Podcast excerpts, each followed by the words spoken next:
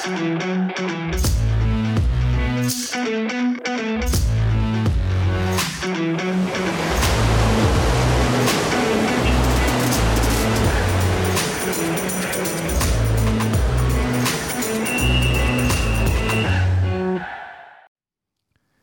pozdrav svim ljubiteljima podcasta Pod kapicom i dobrodošli u 136. epizodu. E, završeni su godišnji odmori, malo smo odmarali Aleksandar i ja. Aleksandra nema je ni danas sprečena je ovaj, iz privatnih razloga. Imaće ona pripremu jednu epizodu koju će e, snimati u četvrtak, a verujem da ste svi zadovoljni što smo krenuli sa remitovanjem epizoda koje su ugledale svetlost dana tamo i od 2020. godine kada je ovaj podcast pokrenut. Ideja je da svi vi koji eto niste imali priliku da slušate, ajde da kažem, ispovesti velikih asova srpskog vaterpola, ne samo srpskog vaterpola, već i hrvatskog i crnogorskog, da dobijete eto šansu da a, još jednom eto, ovaj, proverite, a, da ispitate tačnije a, šta su to te životne priče, šta su one donele u, u nekoj konačnici, na koji način su se e, kreirale karijere ponajboljih sportista na novim prostorima.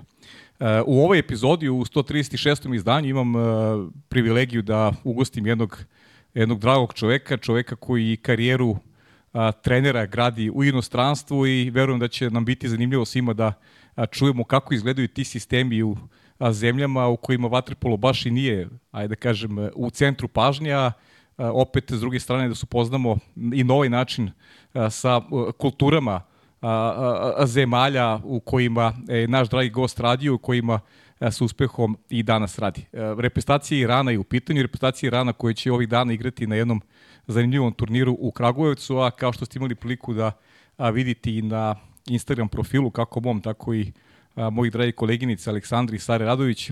A, gost je Dejan Milaković, deki, e, dobro došao i hvala ti što si eto iskoristio neko slobodno vreme da da posetiš ovaj, i našu redakciju ovde i studio, pa kaži mi za početak kako ti se dopada ovaj, ovaj studio na kraju, na kraju univerzuma uz samo jednu, jedan dodatak, molim ti da približiš malo mikrofon. Nema problema. E, može? Može. Pre svega, dobar dan tebi i, i gostima i hvala veliko na, na pozivu. veliko mi je zadovoljstvo i čast da, da budem gost u ovoj emisiji i da sedim u ovoj stolici gde, gde su pre mene eto, sedeli svi ti veliki šampioni i, i legendarni igrači i treneri. Mogu da, da kažem samo da mi je privilegija i da se osjećam sjajno i da se nadam da ćemo eto imati da, da podelimo neke zanimljive informacije sa, sa gledalcima danas. Da, ajde da krenemo, da krenemo od, od ovih aktualnih tema.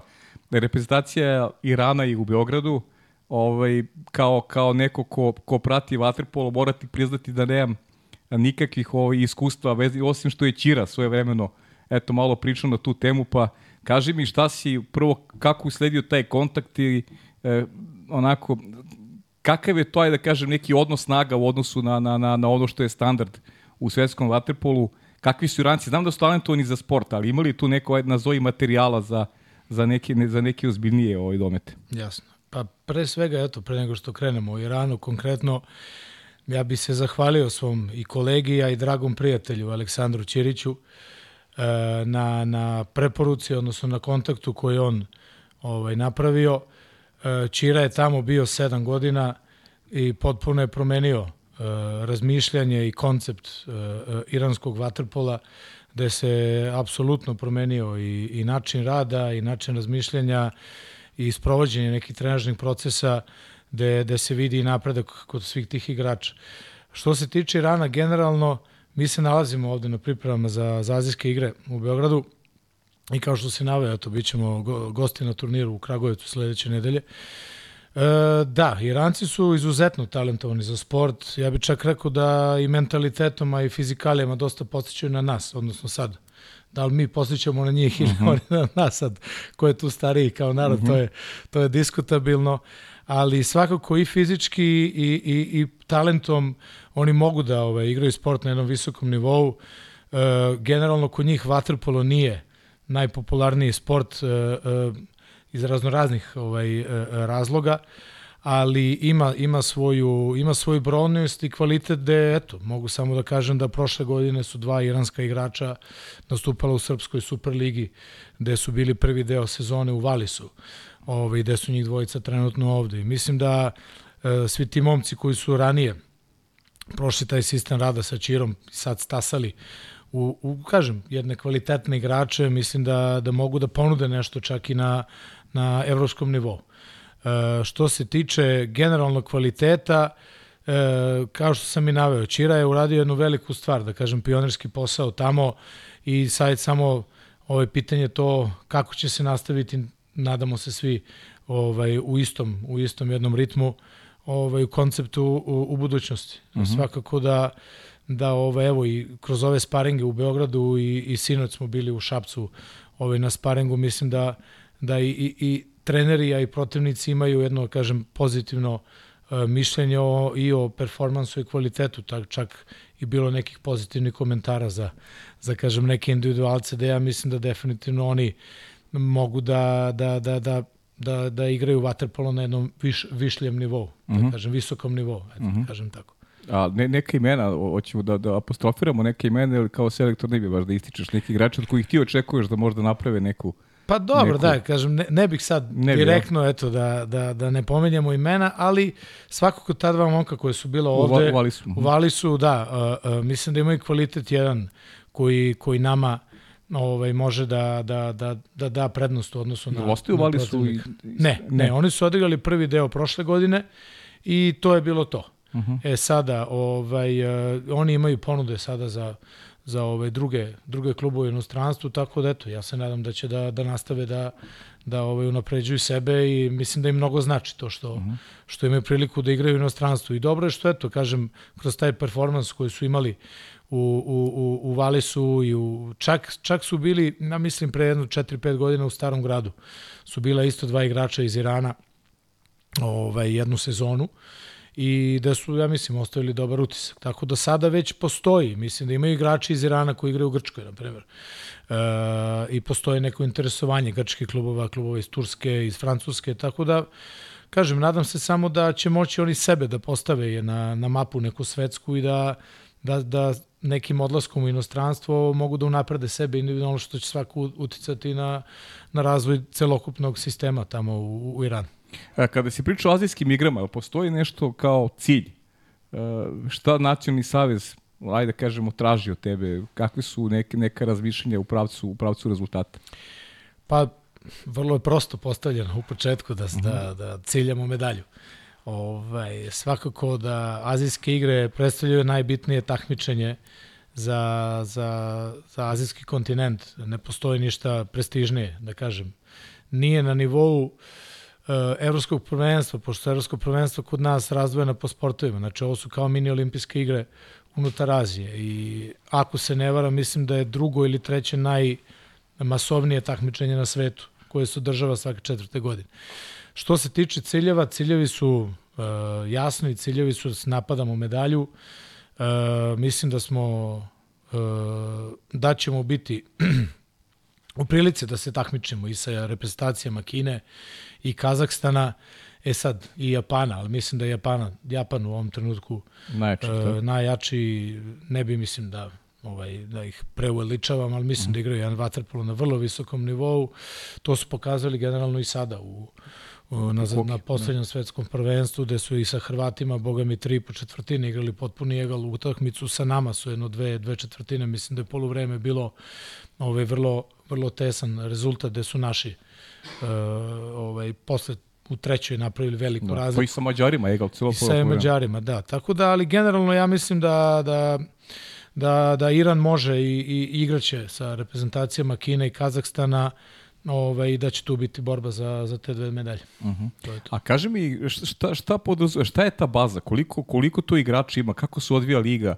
Kakvo je interesovanje generalno Iranaca za, za Waterpolo? Da. Znam da su obojci fenomenalni, da imaju strašnu ekipu, da, da su uložiti u naravno futbol, ko futbol uvek onako vuče najviše djece, najviše interesovanja, uh, košaka takođe, ali kak, kakva, je, kakva je baza igrača kada pričamo o Waterpolu? Pa baza na zavost nije velika. E, nisam mogao još uvek da dođem do nekih egzaktnih podataka, ali mislim da pričamo o možda oko 2000 registrovanih igrača. Što mislim da je zemlju koja ima, ako se ne varam, 85 miliona ljudi, vrlo mali broj.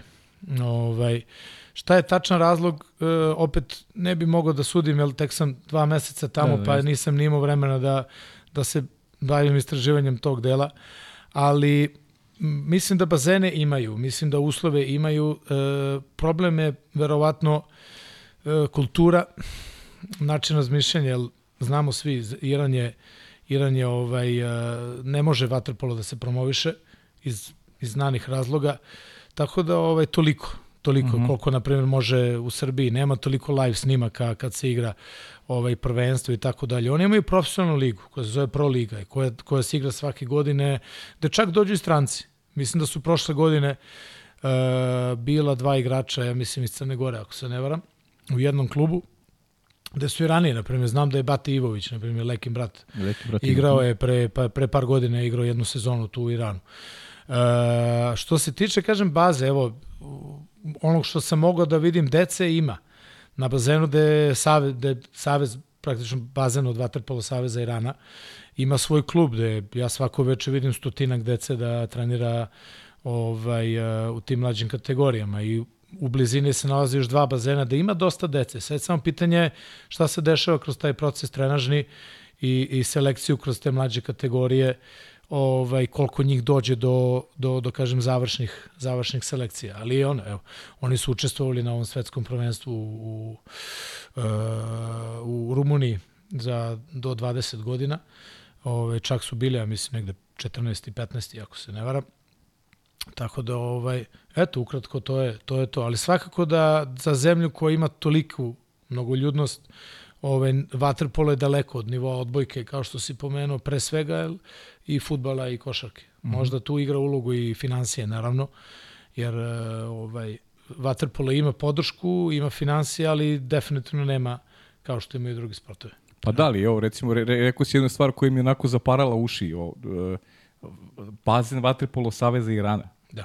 Znaš, ima i bazen Vaterpolo da. Saveza. Tu Srbija da. nema, nema svoj Da. nacionalni centar gde, gde može da se trenira u kontinuitetu, nego onako praviš sa, sa civilima, po znacima navoda se prave, usaglašavaju termini, a Iran, Iran to ima sa bazom od 2000 igrača. Da, da, apsolutno. To je jedna strašna stvar, zaista. Mislim da svaki trener to može da poželi. Znači ja u svakom trenutku Možeš da kad želim da imam tim, trening, da. tako je, mogu da izvedem, u, da ubacim u bazen, čak i neplanirano. Jer oni generalno puste građanstvo, ali to je u jednom potpuno sekundarnom planu. Uh Mhm. -huh. Tako da ako mi, ne znam, dodamo neki trening u toku nedelje, kažemo, hoćemo sutra ujutru trening bez problema, tako da i koliko god možemo da da budemo u tom bazenu. Tako da da, Savez, Savez je, da kažem, ima svoj, svoj bazen uh, pod svojom kontrolom i to je jedna vrlo jedinstvena stvar. A kaži mi, liga se igra, igra se na, igraju se turniri ili, ili liga traje neki, koliko traje? Liga Sedam, traje, traje četiri meseca. Četiri meseca traje liga. četiri meseca, otprilike. Pa do, to to mu dođe onda kao, kao ove letnje lige, otprilike. A se igra, i su, i su otvoreni bazeni, otvorenom bazeni ili zatvoreni? Zatvoren, zatvoreni su, zatvoreni bazeni. Mora. Sve se igra na tom bazenu Saveza. Cela liga. A cijela liga se igra na bazenu Saveza? Da, Aha. da. Tako da praktično svi dolaze i klubovi koji nisu iz Teherana, ovaj dolaze tamo. Dolaze u da- Teheran, odigraju, da, da. da. ali mislim da hoće da uvedu sledeće godine ono gostovanje i kući da bude uzvratna utakmica. Ja mislim baš zbog popularizacije sporta. da. Da bi mogli malo više da približe sport ljudima. A kaži mi kako, kako kapiraju ovaj, te neke, neke tvoje ideje? Ti dolaziš iz jednog onako sistema koji je, mnogi će reći onako i onako brutalan u smislu, u smislu treniranja. Jel treniraju dva put dnevno ili su...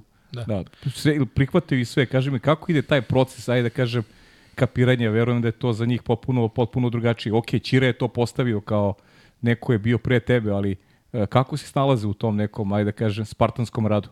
Pa svakako da je taj deo što si napomenuo da je Ćira bio tamo, to vrlo doprinalo sada. Čira je- koji je poznat bio kao veliki radnik. Jeste, jeste, apsolutno, apsolutno. I kao trener je tražio i traži od svojih igrača jednu predanost i rad. Ovaj, a, pa nije, stvarno nije problem. Mogu reći da, da imaju jako lepe, dobre, dobre radne navike, da se trude, da, da ok, uvijek ima pojedinaca koje moraš malo da, da poguraš, što bi se reklo žargonski, da počeraš. Da počeraš. Ovaj, uh, i, ali stvarno, stvarno ovaj, su predani, predani tome što rade i, i trude se i zalažu se i razmišljaju o tome i vidi se. Ja zaista vidim. Eto, meni je drago da evo, došli smo u Srbiju, uh, a pre toga nam je Srbija B reprezentacija bila u Teheranu i da eto, da kažem, ljudi koji su bili tamo, treneri, a igrači, vide neki napredak kod, kod njih, što je meni drago. Kažem, i, i tu se vidi da, da ti igrači žele da, da uče, zaista i žele da napreduju i imaju ambicije. Mislim da ove, žele da, da ostvare svoje ciljeve i u skladu s time se i ponašaju. Sam si naveo tu temu, ajde možemo da se dotaknemo i toga da B reprezentacija Srbije pod vodstvom Miloša Sakovića je bila gost praktično uh, vaterpolo reprezentacije Irana ili Savez, Nacionalnog saveza Irana. Pa ajde malo kako su prošli ovi te, te neke pripreme i preposljedno da si imao prilinge kroz neke sparinge koji ne znam da su bili zvanični ili nisu, kako god. E, imali su momci priliku da se probaju sa sa jednom jakom reprezentacijom, sa, sa B timom Srbije, to su igrači koji prete da sutra postaju na reprezentativici, pa kakva su tu iskustva, koliko je to i tebi pomoglo da, da, da negde momci ovaj, a, a, shvate negde i vide na kom su nivou u odnosu na nešto što je sam krem vaterpolo sporta. Jasno. Pa prvo taj dolazak je bio vrlo, vrlo bitan, mislim, za, za, za celu federaciju i mislim da nadam se da smo bili dobri domaćini ovaj, tih desetak dana koliko su bili, značile apsolutno puno i, i što se tiče promocije imali smo dve, dve zvanične, da kažem, utakmice gde ovaj, Srbija pobedila. Ajde, bože moj. Da, dobro. Ove, ali ne, naravno, nama je to i, i, i bio cilj da, da, da naučimo, da, da, da vidimo gde smo u tom trenutku i to je bila cela ideja. E, kažem, kontakt je napravljen čim sam ja, ovaj, da kažem, pravio taj neki plan ovaj, za ovaj, kad sam se priključio Iranu i odmah ideja i bila to da, da vidimo sa, sa ovaj, Jugom, sa Vasovićem sam se čuo, to je prihvaćeno i, i eto, krenuli smo realizaciju. E, generalno, ja sam se priključio njima možda nekih tri nedelje pre toga i taj sparing je bio izuzetno bitan za, za nas, jer igrači su videli ovaj, pre svega razliku u brzini, u reakciji, u taktičkim nekim izvedbama i što se tiče timske igre i što se tiče individualno, da smo stvarno mnogo napredovali kroz snimke posle gledajući i analizirajući ovaj, što period dok su oni bili tamo, a i sada ceo ovaj period dok što smo bili posle pre nego što smo došli ovde. Tako da ovaj i s druge strane kažem za za promociju uh, waterpola je bilo dobro što eto bila je Srbija, to je bilo propraćeno u svim vestima ovaj, i novinama i, i nadam se da će saradnja i, i za dalje da, da se nastavi. Uh mhm. -huh. To je. E, I to, to, odatle datira ona, ona slika. Ja nisam ni znao da je to sa tvog telefona. Mi smo puštali ovde u, ovaj, u podcastu kad je gost bio, čini mi se, ne, kad je bio gost, kad je Nikola Rađen, ja smo da, da malo analizirali dešavanje svetskom prvenstvu, ona čuvena slika gde tokom četiri finale svekog prvenstva između Srbije i Italije, gde svi igrači su okupljeni oko telefona i gledaju te završne momente, yes. ali nisam znao da je, da je snimak sa tvog telefona. Jeste, jeste. Pa bilo je to lepo jutro, da kažem, jer bilo je jutro u Iranu ovaj, i kažem, utakmica je krenula je sad, mi smo je pustili, kažem, van bazena, ali igrači su polako, onako jedan po jedan, pa možemo malo vi da vidimo.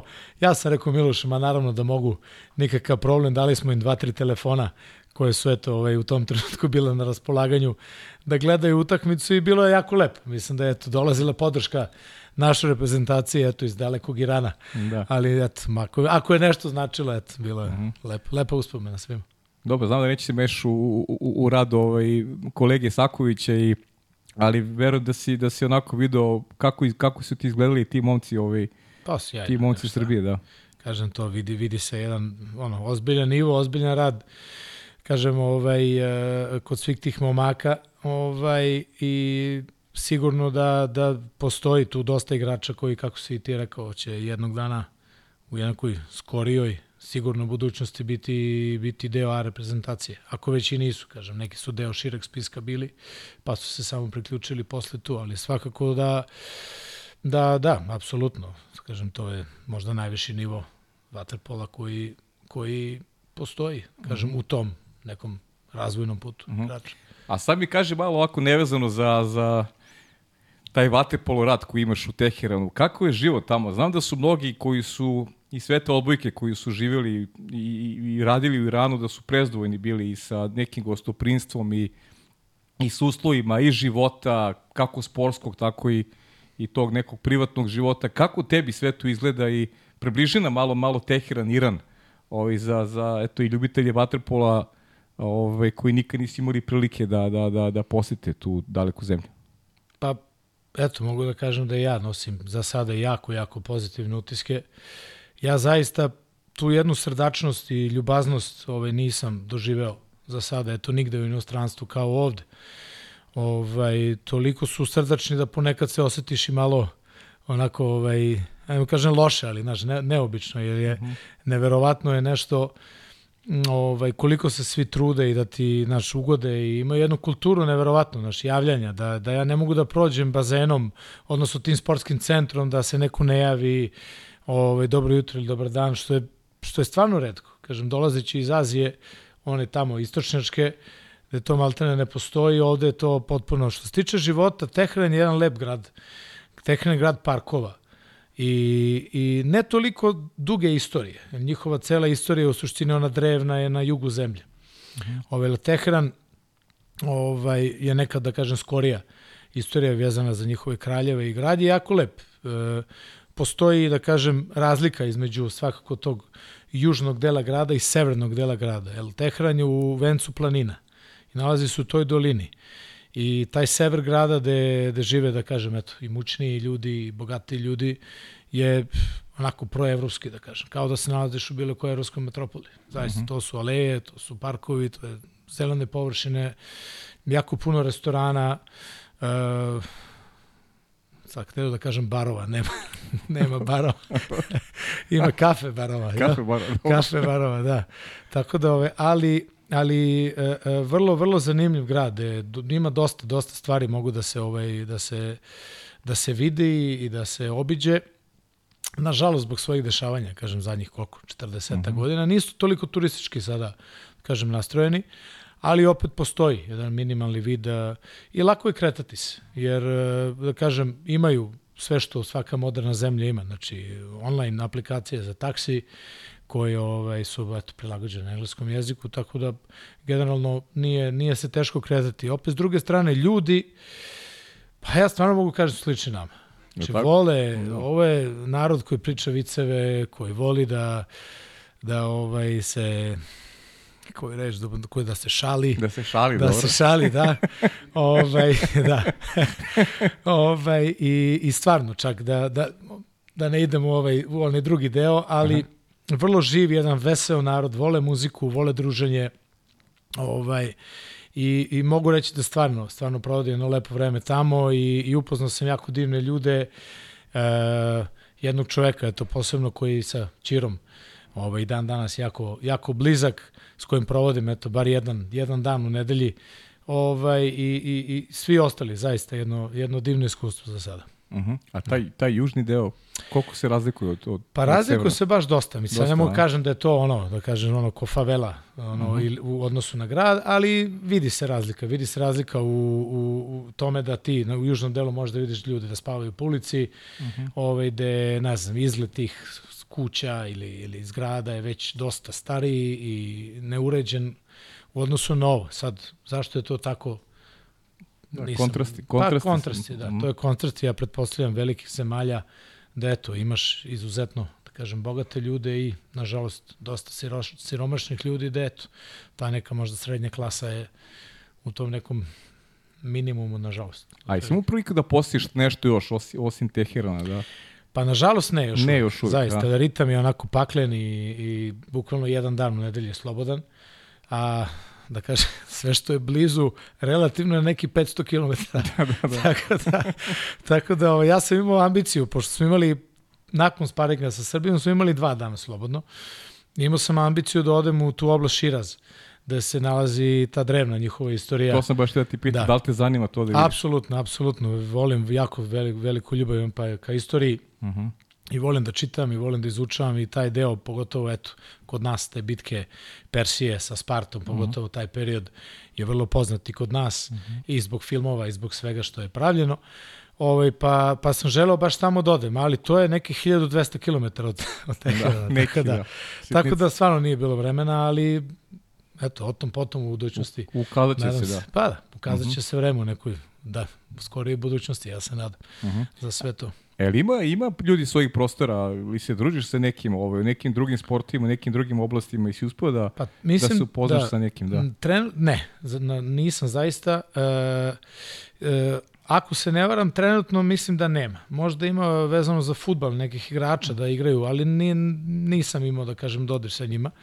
Znam da je ranije, stvarno u jednom trenutku su bili i košarkaši i treneri košarkaški i vreme kad je bio, da kažem sad, čovek koji je tamo živa legenda, mislim, Kolaković. Igor Kolković, da, bio selektor Kolaković, da, da, da, da. sa celim svojim stručnim štabom, oni su, ja mislim, napravili neki izuzetan rezultat tamo i u tom trenutku je bio i Čira i bili su neki košarkaši i onda mislim da su oni I, Mhm. i, i u rukometu, ako se ne varam, je bio. Sad trenutno nisam stvarno siguran, nisam ovaj, imao prilike da, da upoznam ovaj, nekog sa naših prostora.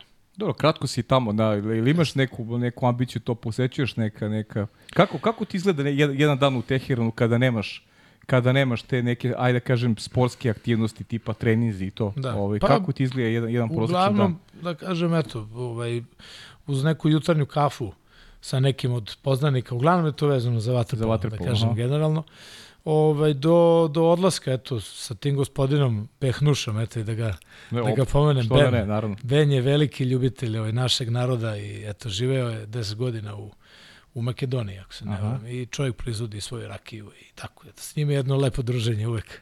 Čim proizvodi rakiju, Da, mora da, da, lepo da, da. drži. I ovaj, da, pa otprilike uvek negde odemo. Na što je ono što je lepo. Ili odemo kod nekoga na neki dnevni parti, otprilike ono, ili u vikendica malo van, van na nekom obodu Teherana ili kod nekoga, da kažem, u taj severni deo grada. I, ili se ode, ima taj klub ovaj, koji je ogroman, zaista. Mislim, to je površina jedna koja je, ja mislim, ako se dobro razumeo, kralj eh, šah njihov napravio još davnih dana ovaj, za, eto, kažeš, elitu neku i privatni klub, znači tamo postoji i bazeni i restorani i tu možeš ceo dan da provedeš onako jedno lepo druženje. Otprilike, Mhm. Tu se skupi sad prijatelji od prijatelja i to otprilike je tako. Uglavnom je u nekom druženju, da kažem, Mhm. to je to. E, ne šetam toliko, ovaj, toliko je sve ogromno. Tehran je grad od 15 miliona ljudi i ovaj, prosto peške, peške je teško sve. Ovaj. Jed, jedino to što je u nekom lokalu u blizini, ali to je, da kažem, ono što ti je neka dnevna varijanta, što ti treba. Ali dalje sve, uglavnom sa nekim sam i to je to. Kažem, vrlo su ljubazni. Uvek se neko javi, hoćemo na ručak, hoćemo na večeru, hoćemo kod nekog prijatelja na neku proslavu ili eto čisto neko okupljanje i tako. Da, mnogo je lepa spoznaja kad, kad ovaj, čuješ od više ljudi koliko smo poštovani negde, negde daleko gde ni ne znaš da, eto, da, da, da u suštini i prate šta se radi na, na sportskom planu, recimo, a, a nisi prvi koji eto, govori onako u superlativima o, o Iranu i generalno njihovoj ljubaznosti o tome kako su eto, i sportisti, treneri svojih prostora, kako su, Da. kako su dočekani. Verujem da je to slučaj i sa, i sa ove drugi sportistima iz regiona, ne samo, ne samo Pa iz ja Srbije. sam siguran, da, oni mi sad pominju, tamo je, tamo su i pre, i pre Čire su bili treneri sa naših prostora. Sad, ne, ne slagaću, ne mogu Mhm. se tačno setiti ko, ali e, postoje, da kažem, eto, neki doživlje tada u drugim sportovima, u košarci, u futbalu i tako dalje. Ali da, mislim da je da izuzetno se poštuje ime Srbije, pogotovo kad se pomene vaterpolo.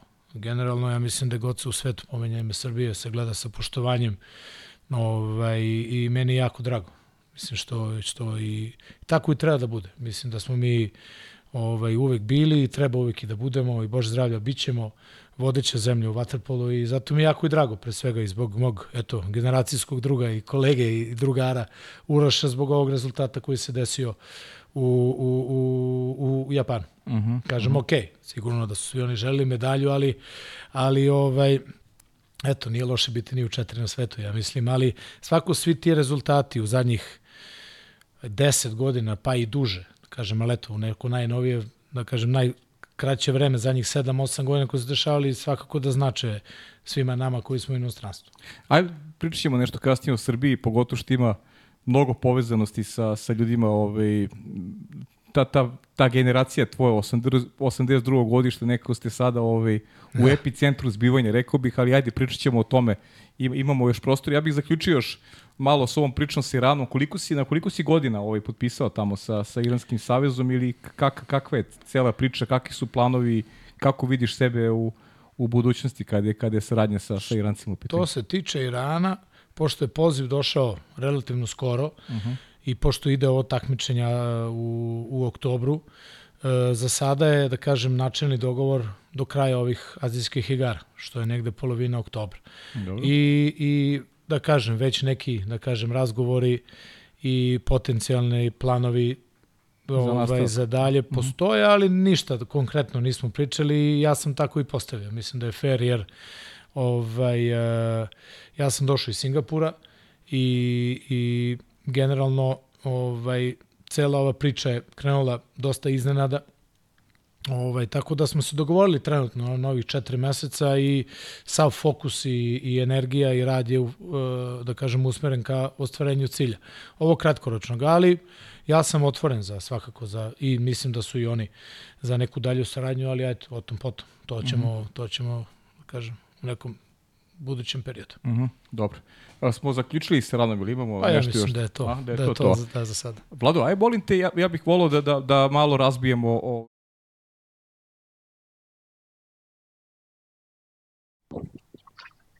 veliki pozdrav za Malte, za Pavla i za Dejana. Uh, mene i Dejana vezuju uh, jako lepe, lepe uspomene, s obzirom da smo igrali jedan čak protiv drugog dok je on bio u Partizanu, ja sam bio u Bečaju, pa čisto eto kako smo kako smo provodili te igračke dane, eto to da objasni. I jedno pitanje, ovaj, znam da je Dejan uh, onako vatreni, vatreni ono, trener, kako leči posle glasne žite, posle burne utakmice i koje su mu najlepše reči upućene i igračima kad nešto pogreše. Veliki pozdrav sa Malta. Ćao.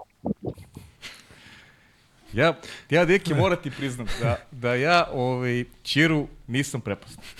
Onako, najiskrenije, jedva čekam da se vrati sa Mate, rekao mi, obećao mi je gostovanje, njegovo će to biti drugo gostovanje, među vremenu svašta događalo od, od perioda kada je bio prvi put ovde, ali dogodilo se i to i fizička promena se dogodila u odnosu na taj period. Ove, pa eto, dragi moj Čira, ovaj, mislim, hvala pre svega na pitanju. Uh mhm. -huh. ovaj, e, pa dobro, verovatno uživa na Malti. Uživo, zato tako, oči, da, drago, mi, uživo. drago mi je, da. Ovaj, pa što se tiče ovaj, tog prvog dela, Čira je jako ljubazan, mislim, to što smo mi igrali malo, ja sam uhvatio, eto, imao sam tu privilegiju da sam igrao protiv njega i te ekipe Bečeja. Kažem, tih, tih godina, stvarno, to je bilo 98. i 99. ta sezona. Ove, eto, ja sam bio priključen prvom timu Partizana sa, sa, sa par igrača iz moje generacije, eto, dva i tekako bitna, to su Vanja i Živko, koji mhm. su posle postali, eto, šta su postali? Olimpijski šampioni i najbolji da bom. Tako da, ovaj, i, i sa još jednim drugarom tada, Darkom.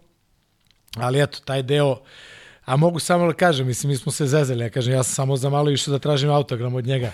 Znaš, tada, mi smo bili klinci, 15-16 godina, Čira je već bio tada, ono, da kažem, formiran igrač, formiran igrač reprezentativac, već smo ga svi, njih, sve njih gledali, ono, kao neke idole, idolizovali, hteli da budemo kao oni i tako dalje, da, ali dobro, tome, kakav je Čira bi igrač, to ne moramo da pričamo, da. Što se tiče ovog drugog pitanja, da, Pa eto, imali smo prilike da zajedno lečimo glasne živice više puta u zadnjih 6-7 godina. Ovaj, pa dobro, to je uglavnom neki čaj. Znaš, mhm. -huh. kažem sad pitanje samo odakle je taj čaj. Ako on je šumadijski, on je najbolji. ja, da, da.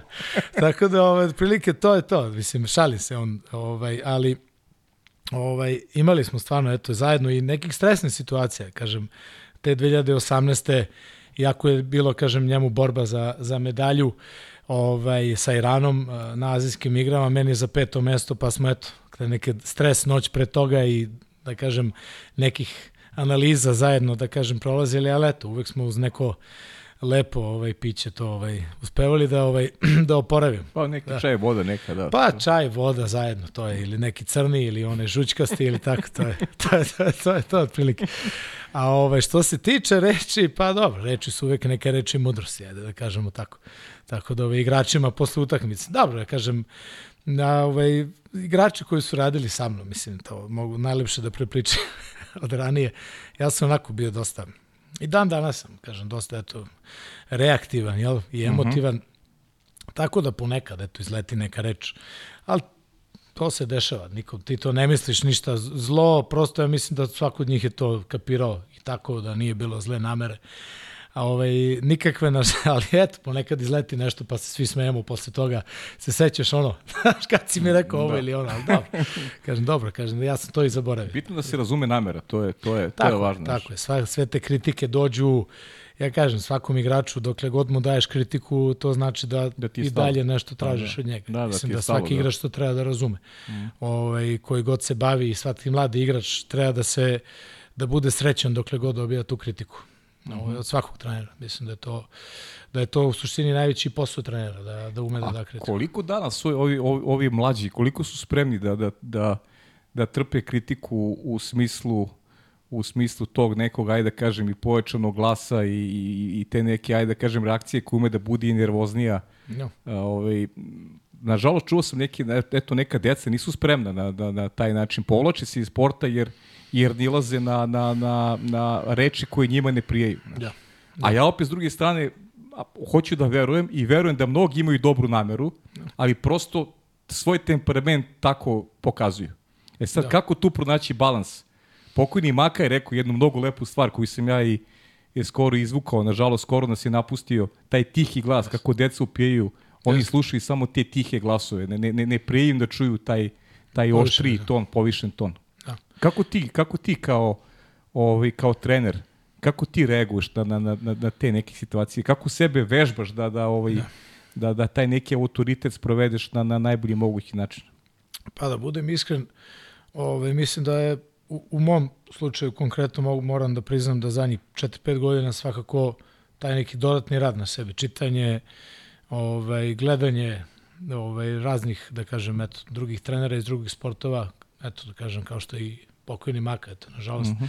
koji nas je napustio, ovaj, pa dođeš do drugačijih rešenja. Složio bi se sa tobom da, da mislim da prosto to je generacijska promena koja se dešava kod dece. Mislim da je to drugačije emotivno ovaj, shvatanje stvari, prihvatanje kritike. Postoje sada i dosta materijala koje sam imao prilike i sreću da pročitam u zadnjih x godina, gde, gde se vrlo, vrlo precizno objašnjava zašto je to tako. Mhm. -huh. Mislim da ove, mislim sad, da ne banalizujem da ih zovem nove generacije, ali da kažem, de, deca danas odrastaju uz, uz drugačije interesovanje, uz drugačiju komunikaciju pre svega. Uh, koja je vezana za telefon, vezana je za tablet, vezana je za digitalizaciju dosta stvari. I onda mislim da najveći problem komunikacije generalno, da, da slušanje, taj deo slušanja koji je kod nas bio dosta ustaljen, jer prosto nije bilo ovih, ovih stvari da se ti provodio stvari gledajući konstantno u nešto i učeći tako. Mi smo morali da slušamo i da, da gledamo. Znači, ta demonstracija uh, i verbalna, verbalno objašnjavanje je bilo jako bitno. Danas, ja mislim, tu se nalazi problem, što ume da frustrira trenera, Ali slažem se, ja, ja moram da priznam da se ja dosta promenio zadnjih uh -huh. 5-6 godina i te reakcije su manje burne i, i, i mnogo lepše, uh -huh. da kažem, i za uvo, ali, ali i, i e, opet da se vratim na početak, mislim da, da treneri moraju da nađu neku sredinu ja mislim, da kažem, da se to ne bi dešavalo što si ti rekao. Sad, uh -huh. da li je to, kažem, neko bi rekao, to je prirodna selekcija. Uh, Znaš, ali da. sad pitanje je... Najlakše tako reći. Pa najlakše tako reći, ali mislim da je pitanje danas jer uh, sve više sportova. Ja mislim da sve više interesovanja. Uh, I mislim da, da, da svi treba se truje da zadrže svako dete, ako je to moguće što duže u, u jednom sportu. Bar što se tiče vaterpola, mislim da pogotovo u, u Srbiji, eto, ne, ne mogu da kažem direktno, ali mislim da toliko je ponuda sportova, drugih novih sportova koji su možda i atraktivniji i jednostavniji za igru i, i, pa, i isplativiji. I isplativiji, eto, to, to upravo, upravo to, da mislim da, ok, samo treba, mislim, treba naći način kako se danas, da kažem, a ne kao obhoditi, ali kako komunicirati sa, mm. sa decom. Da, do, dobro si mi šlagvor dao, ajde, pa ćemo se vratiti na te početke. Rekao si da, da radiš na sebi i učiš. Šta ti inspiriše? O, o, odakle, ajde, konkretno da kažem, učiš po znacima navoda i edukuješ sebe, ovaj, prosto praviš sebe boljim u odnosu ja. na, na ono što si bio, kako bi mogao to neko znanje na, na kvalitetni način da preneseš na, na, na svoje igrače?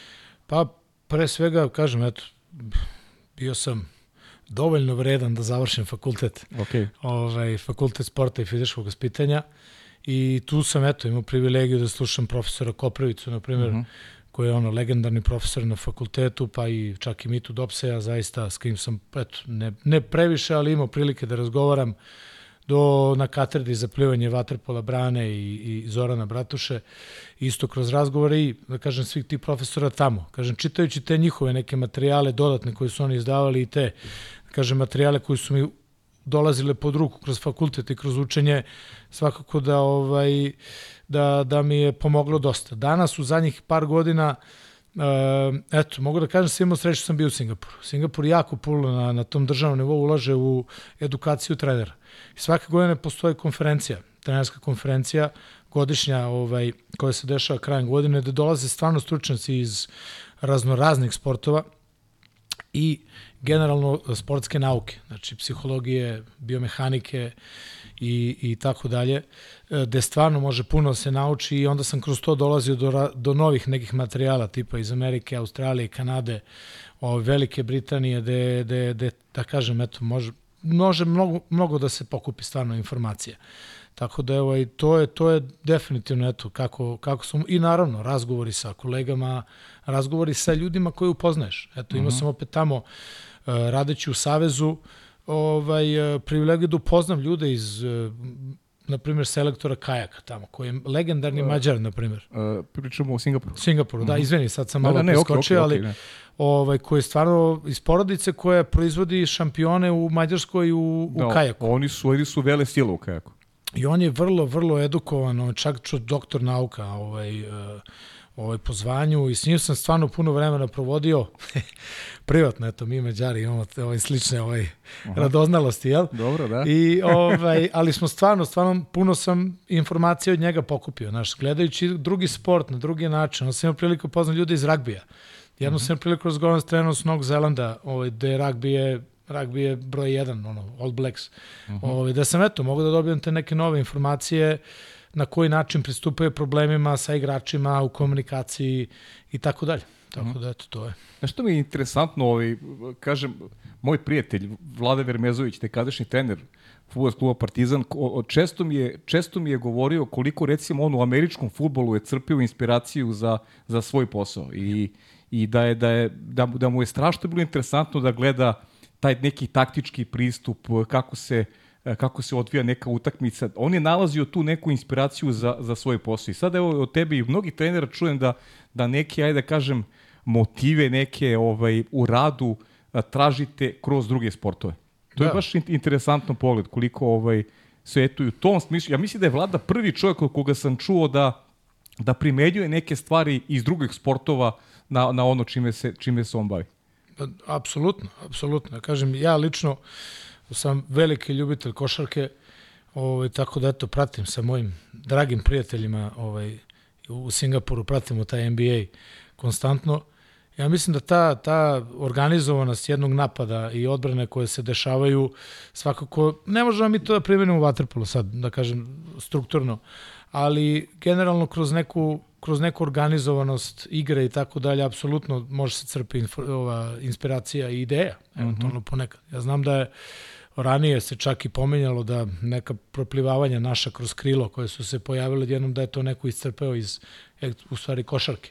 Kad imaju ono mm -hmm. protrčavanje ispod koša pa otvaranje na onu trojku da smo mi tako nešto otprilike pre 10-15 godina. Eto, sećam se te neke priče. Ja sam to, bio mlad trener, ali... Prvi put čujem to je, znaš? Da, da je, da je to neko... Slagaću ko je ne bi, ne bi se usudio ovaj, da, da ne pomešam, uh mhm. -huh. ali mislim da je neko to iscrpio, tada je Partizan u košarci, eto, Dule Vujošević je bio tog perioda se sećam i znam da su oni to često radili, ja mislim, za da, Bogdanovića ili nekog ne mogu se setiti sada i da je to tako se nekako u jednom trenutku i kod nas pojavilo. I uh mhm. počelo to proplivavanje, eto, krila na krilo, otvaranje centra ili uplivavanje s te neke strane.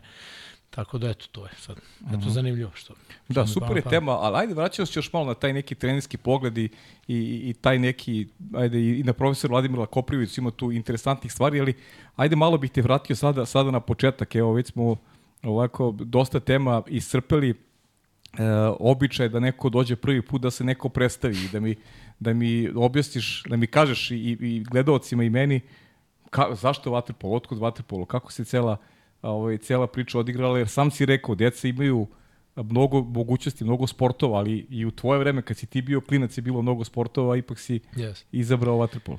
Pa da, pa da kažem vaterpolo dolaskom na Banjicu. Ja sam, da kažem, rođeni, rođen na Dorčulu ovaj, davnih dana, ovaj, da ne pominjamo sada tačno, tačno kad. I ovaj, počeo sam trenam plivanje. Na, Sada ti na, kažem. Na, Ja sam. Da, Ali sam, dav, ali sam davno otišao. Znači, da, da, isto. da, e, to je to. To, je, to se ne zaboravlja. Ne, da, Drčalac je drčalac. E?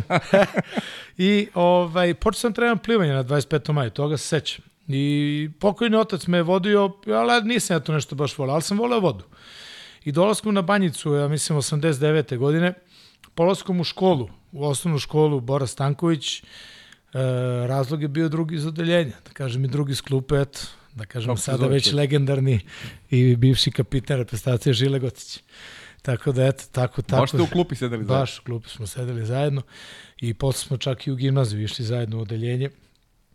Čak smo upisali fakultet zajedno, ali Žile postao, ove, šta je postao i on stvarno nije imao Žile vremena. postao žile. Žile postao žile i te njegove obaveze svako nisu mogli da da isprate i fakultet, nažalost. Mislim, to je, mislim, znam da smo pričali o tome. Žile je posle završio ovaj, uh, uh, univerzitet i tako dalje, ali, ali prosto je jako teško. Mislim, Mhm. da profesionalni sportista nivoa kakav je bio Žile, ovo je teško da može da redovno, uskladi, da da. redovno uskladi fakultet. Ali nema veze, to je sad opet druga tema. Ali eto, to je bio početak. I početak se desio da eto, nas, ja sam otišao sa njim na banjicu. U stvari žile povukao tebe. Jest.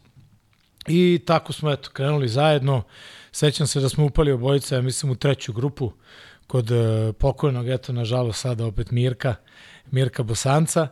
I to je tako krenulo. Eto, posle smo eto išli tako uzlaznom nekom putanjom ovaj, kroz sve te godine i prolazili razno razne trenere i možda jedan najveći period kroz te mlađe kategorije smo proveli sa Nenom, Nenom Manolović, da je, ja mislim, to dosta uticalo na sve nas i, i generalno na razvoj kao igrača i posle kao ljudi. Ja mislim da ta disciplina e, rad jedan da kažem u odnosu možda na danas bio onako dosta dosta žustar i mnogo obimniji i vremenski i i po načinu treninga. Uh -huh. Ovaj da eto nas je oblikovao dosta dobro. Ja mislim da nas je spremio i za život, ne samo generalno za za posle Što još- ćemo što je posle- još važnije. Da, da, svakako, svakako. Tako da eto, to je neki početak i, i, i kažem, Partizan, eto, do neke 98. 9. godine, gde, eto, nažalost se dešava to bombardovanje, ovaj, prekida se ta sezona, eto, mi smo tada debitovali, eto, i za prvi tim smo čak Da, ti debitovali. si to ono što si rekao, četvorka koja je, koja Yes. je dobila priliku igra za prvi tim. Jeste, dobili smo te Vanja, godine. Žile, ti i, Darko, i Darko, Darko Golubović je da, bio s nama. Da, koji je prestao da četvrti, da, koji je na par godina posle toga isto igrao, ali posle on prestao, posvetio se, on je fenomenalan ovaj, bio na studijama, Fon je završio, mislim, možda čak i prvi u generaciji, ako se ne varam, sa jednim visokim prosekom i tako dalje. Ovaj, I da, mi smo teto postali, sad da li to igrom slučaja bilo je nije, ali ta generacija pre nas, 81. i 80. godište, oni su se svi, e, pošto su, to je bilo sad takmičenje, ne mogu da se setim, propozicija tih godina, ali znam da su oni svi grupno prebačeni bili u tadašnji student, to je sada Banjica. To je bila filijala pred danas. Tu. Jeste. I desilo se da je Partizan godina dana pred toga imao strašnu ekipu sa, sa Vladom Vujasinovićem, sa Savićem, sa Ikodinovićem, Ribić i tako dalje, Kuljača, ko je sad već bio. Oni su osvojili kup Len. Tada i, nažalost, ta se ekipa ovaj, Kup Ledano rasula. finale čujeno sa Splitskim Jadranom. Jest, da. jest, Dejan. Jović, trener. Jeste, Dejan Jović, trener. Ako se ne varam, 3-1 je Da, bilo. 3:1 u čet- Splitu. Da, u 3:1 Splitu. u Splitu, da. Jeste, da. da. je fenomenalna utakmica, ovaj. Ne, nestvarna, kažem, 3-1 u Waterpolu. Da. Mislim da je to bilo pr, da je to bio prvi susret uh, hrvatskog i, i srpskog tima u bilo kom sportu nakon onog nesrećnog rata. Mm, Da, ja mislim da jest, da. Mislim, možda je futbal bio pre toga, ne sećam se. Ali nema veze, jedan od prvih definitivno, da. Da, definitivno. I bilo je, bilo, sećam se tih utakmica, stvarno, i na Banjici, ja mislim da je bilo nerešeno, bilo onako baš uzavrelo, a njih je tamo čekalo, tamo je pakao bio, mislim njima, ono kad su u Splitu igrali, baš je bila vrela jedna atmosfera. Uglavnom, mi smo dobili šansu i bili, eto, ti godinu dana, nažalost, sezona je prekinuta ovaj, zbog bombardovanja koje se tada desilo, jel? I onda nastavak. I nastavak, eto, prosto nisam ja imao taj kvalitet kao što su momci pokazali i nakon put je nakon toga odveo u godinu dana sam bio posle toga u studentu i nakon toga sam eto završio u Zvezdi. U Zvezdi... Gde ćeš posle predana nego u Zvezdi? Pa, to je najlogičnije, jel? da. Šalim se i, i eto, u Zvezdi sam bio do, do kraja praktično. Ali za, ali za, za, za, za Vatepolo tako uobičajeno i, Da, i nikad da. tu nije bilo sad nekih kao prešao iz predana u Zvezdi obrnuto. To je Pa da. neko bilo neko normalno za, za, Pa za jest, Vatepolo. Da. kažem, eto, kažem, od, od legendarnih šampiona 90-ih. Kad je mogu Igor Milanović, što nije mogu ti. Jest, tako je, tako je, tako je, eto, to je to i, i slično se i prezivamo, jel? Da, šalim, je. šalim se, šalim se. I, I eto, to je u Zvezdi bilo nekih 6-7 godina do 2007. godine, kad sam eto odlučio da, da stanem, jer on, studirao sam već uveliko, bio pri kraju fakulteta i u tom trenutku, eto, dolazak, dolazak mog opet prijatelja, stvarno i kolege Miloša Sakovića za trenera Crvene zvezde u, u, u toj godini. Bilo je nekih smena, počeo je Zoran, Zoran eh, Milkovski i onda ga je nasledio Miloš u nekom trenutku. I mi smo pričali od početka. Ja, mene to interesovalo, trenerski poziv, studirao sam, kažem, vezano za to. I on mi je dao priliku da razmislim i da mu kažem prilike šta je. Eto, ja sam razmislio neka dva dana i video sam. Jer u tom trenutku Zvezda baš imala dosta problema. 25. maj se zatvorio, nije radio, Zvezda trebala da ide u Obrenovac i ujutru i uveče i to onako psihički dosta bilo mm -hmm. naporno. Meni je bilo naporno zaista i nisam to prosto mogao, želeo da, da radim neko mučenje sebe. I ovde sam našao jednu stvarno novu energiju. Kažem, to je počelo lepo i ekipa je jako bi lepa bila. Eto, bio je Miloš, bio je Uroš i Da, eto ja sam, da, mhm. Uroš Stevanović i ja sam tu eto kao naj, najmlađi trenerski član, ovaj se Mhm. priključio njima i bilo je tu još par trenera u Zvezdi. I mislim da je lepo, lepo smo radili ti neki godinu i po dana. Mhm. Godinu i po dana. Onda, nažalost, dolazi taj period. Zvezda ulazi u još veće probleme. Ove, da eto, klub je došao maltene do bankrota, ne maltene, klub se, eto, ugasio. I eto, da je, da je, da je, da je se osnovao Singidunom i Uroš je u tom trenutku prešao u Partizan, ovaj, što je očigledno bio idealan potez za njega i on pravi, očigledno.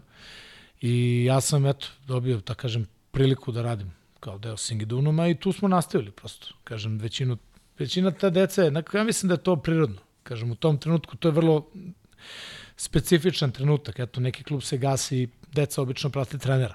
Da. Jel su vezane. Tako da, eto, mislim da smo imali lepu jednu komunikaciju i sa, sa E, decom. pa to je lepa stvar, to ono što sam je pričao, Da. da. smo pričali malo pre, koliko je Da. važno da se ta deca ovaj, poistovete i da i da prepoznaju u, u treneru Da. i petag, pedagoga i to ono što, eto i neki, neki bivši tvoji i, i ovaj, saigrači su mi govorili da, da su imali problem da, da, da detetu ovaj, u kući da ga nateraju, ne znam, da čita knjige, da, ne znam, gleda filmove, sad karikiram, ali kad trener to kaže, to se čita knjiga. Yes. Znaš, menja se popuno percepcije, jer ovaj, uh, trener je i pedagog i ume da odigra i tu, ajde da kažem, neku i roditeljsku ulogu, što je Jeste. o, jako, jako važno. Apsolutno, apsolutno. Pa upravo to, kažem, taj deo e, povezanosti, animacije, pa kažem neke kreacije trenera, znaš, da tu decu kupi, kažem, na neki način. Slažem se, apsolutno, mislim da je to jako bitno. Tako da, eto, kažem, u tom trenutku većina te dece, naravno najambiciozniji i, i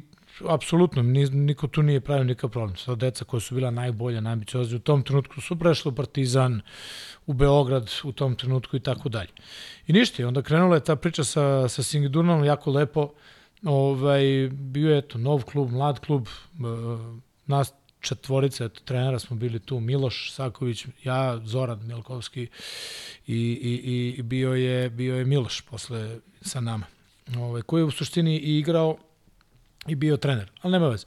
Uglavnom, eto, imali smo tu neku strukturu i bilo je tu, da kažem, lepog rada, koliko smo mogli u tom trenutku. Mislim da je klub bio mlad, krenuli smo malten od nule, sa nekih 70 članova, posle to dupliralo i imali smo čak i neke rezultate. Kažem, eto, ja mogu budem najponosniji samo što, eto, iz te, tog nekog našeg rada i ovaj, izašao jedan, jedan ovaj, vrlo dobar igrač danas, to je Radomir Drašović i uh -huh. još par njih, eto i Veljka bih pomenuo, Tankosića, koji nije bio s nama ceo taj period, jer Veljko je došao u klub sa neki 15 godina, ali eto, proveo je neki dve godine sa nama i to je to. I bilo je, kažem, igrača neki koji su posle imali karijere, imaju neki i sad i dan danas igraju, neki se bave trenerskim poslom i meni je drago. Ja sam sad dosta njih u kontaktu i vežu me lepe uspomene, stvarno. Mislim da je tih šest godina, pet i po šest godina u Singidunumu bio onako jedan lep, lep period za sve nas. Uh -huh. za sve nas. Ja ću malo samo da ti vratim još na, na, na tu igračku karijeru. Kaži mi šta si igrao, na kojoj poziciji si igrao? Pa igrao sam levu stranu. Levo, to, 4 5, eto, kažem, mogu da kažem da me odlikovao jedan lep šut. Eto, uh -huh. to je to u odnosu možda na drugi.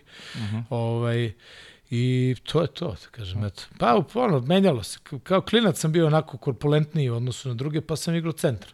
Aha. Ovaj, onda u jednom trenutku, eto, nisam izrastao, ovaj, i onda sam prešao desno i na kraju sam završio levo. Tako da praktično, eto, ta neka spoljna pozicija, da eto, mogu sam dan gol.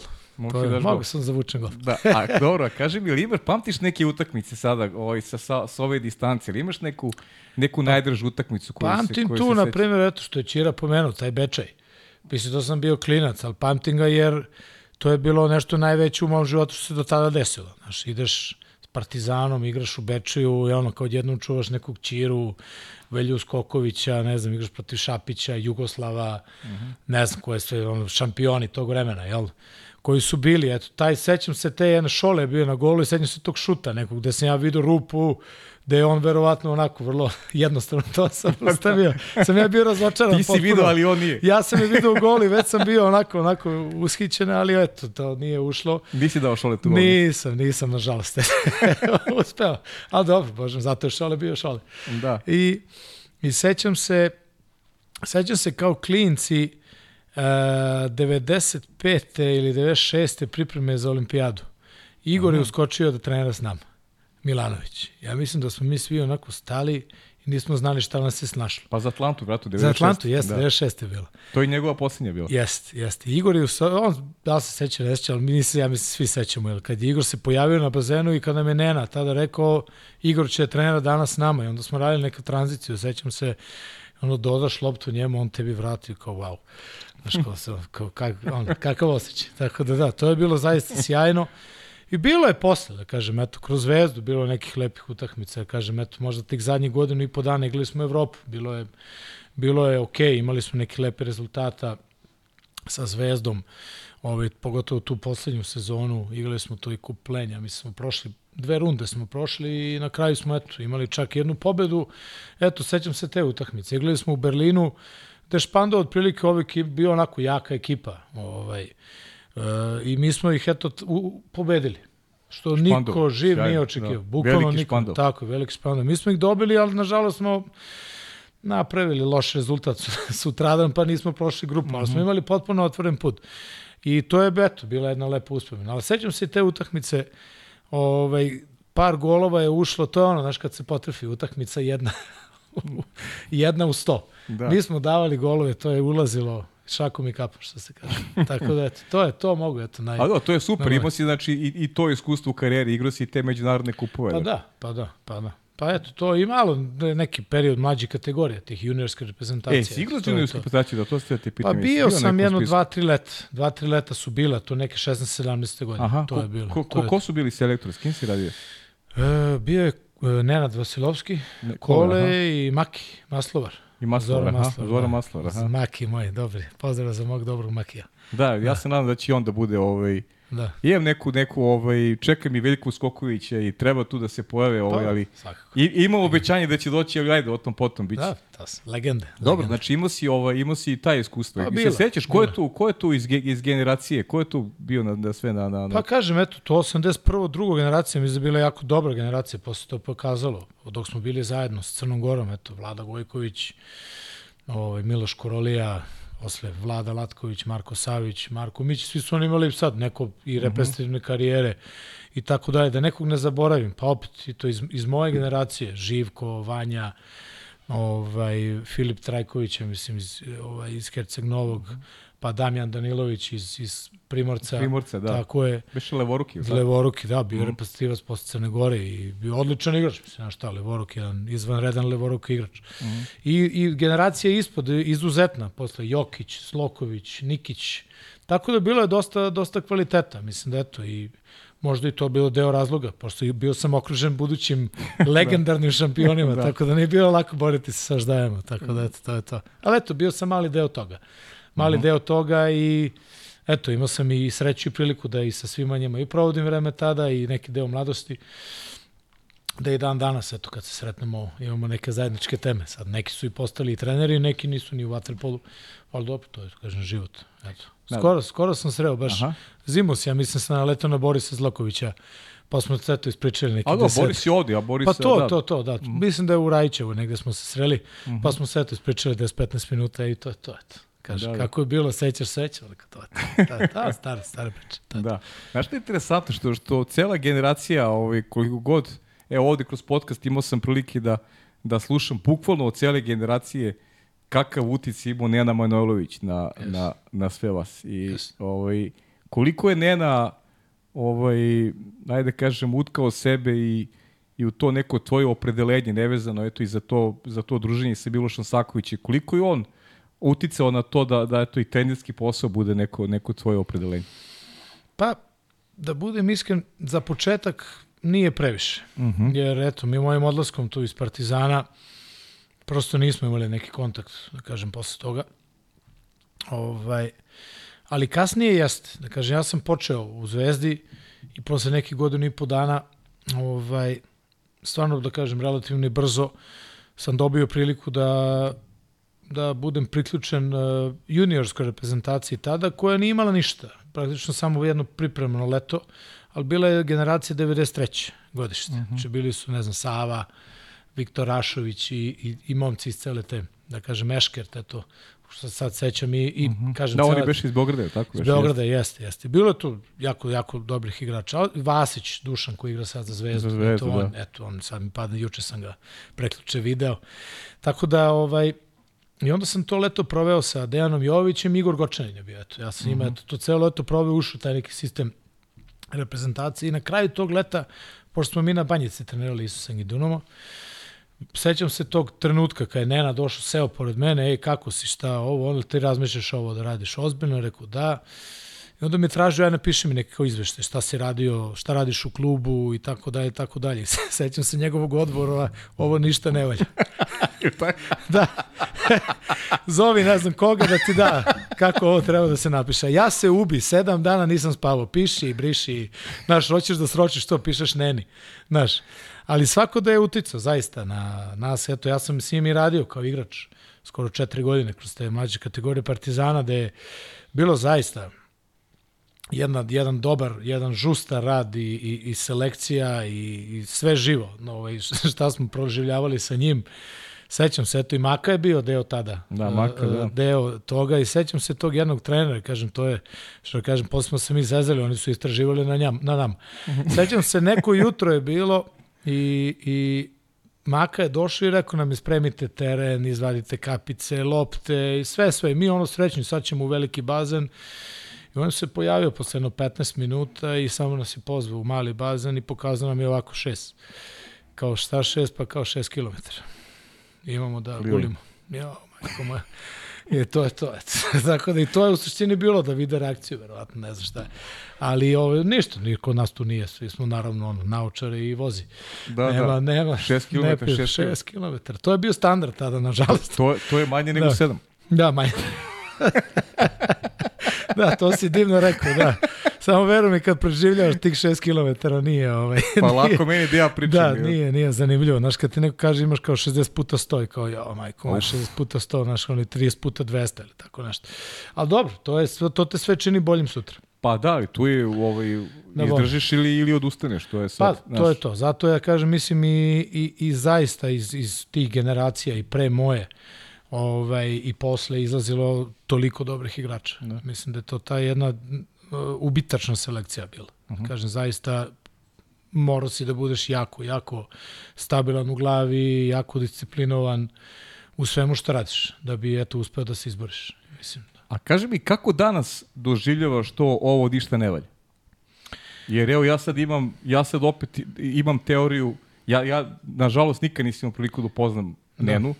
Uh, da li je to bio deo drila isto? Da, da. O- ovo ništa ne Apsolut- valja. Pa apsolutno, jer on mi Da. stavio do znanja Da, da, da, da li baš to stvarno ne valja ili je to ajde vidi valjalo kako ćeš nešto, da reaguješ. Valjalo da. je nešto, nego sigurno, samo da. vidi da ću ja da potvrdim još 10 dana da napišem nešto novo. Uh -huh. Mislim da je to čitava poenta bila, jel? Nisam ja baš sve izbacio. Da. nešto je i ostalo. Nešto je ostalo, Nešto da. je ostalo, da. Ali, ali da, upravo to što si rekao. To je u suštini, ja mislim, igra.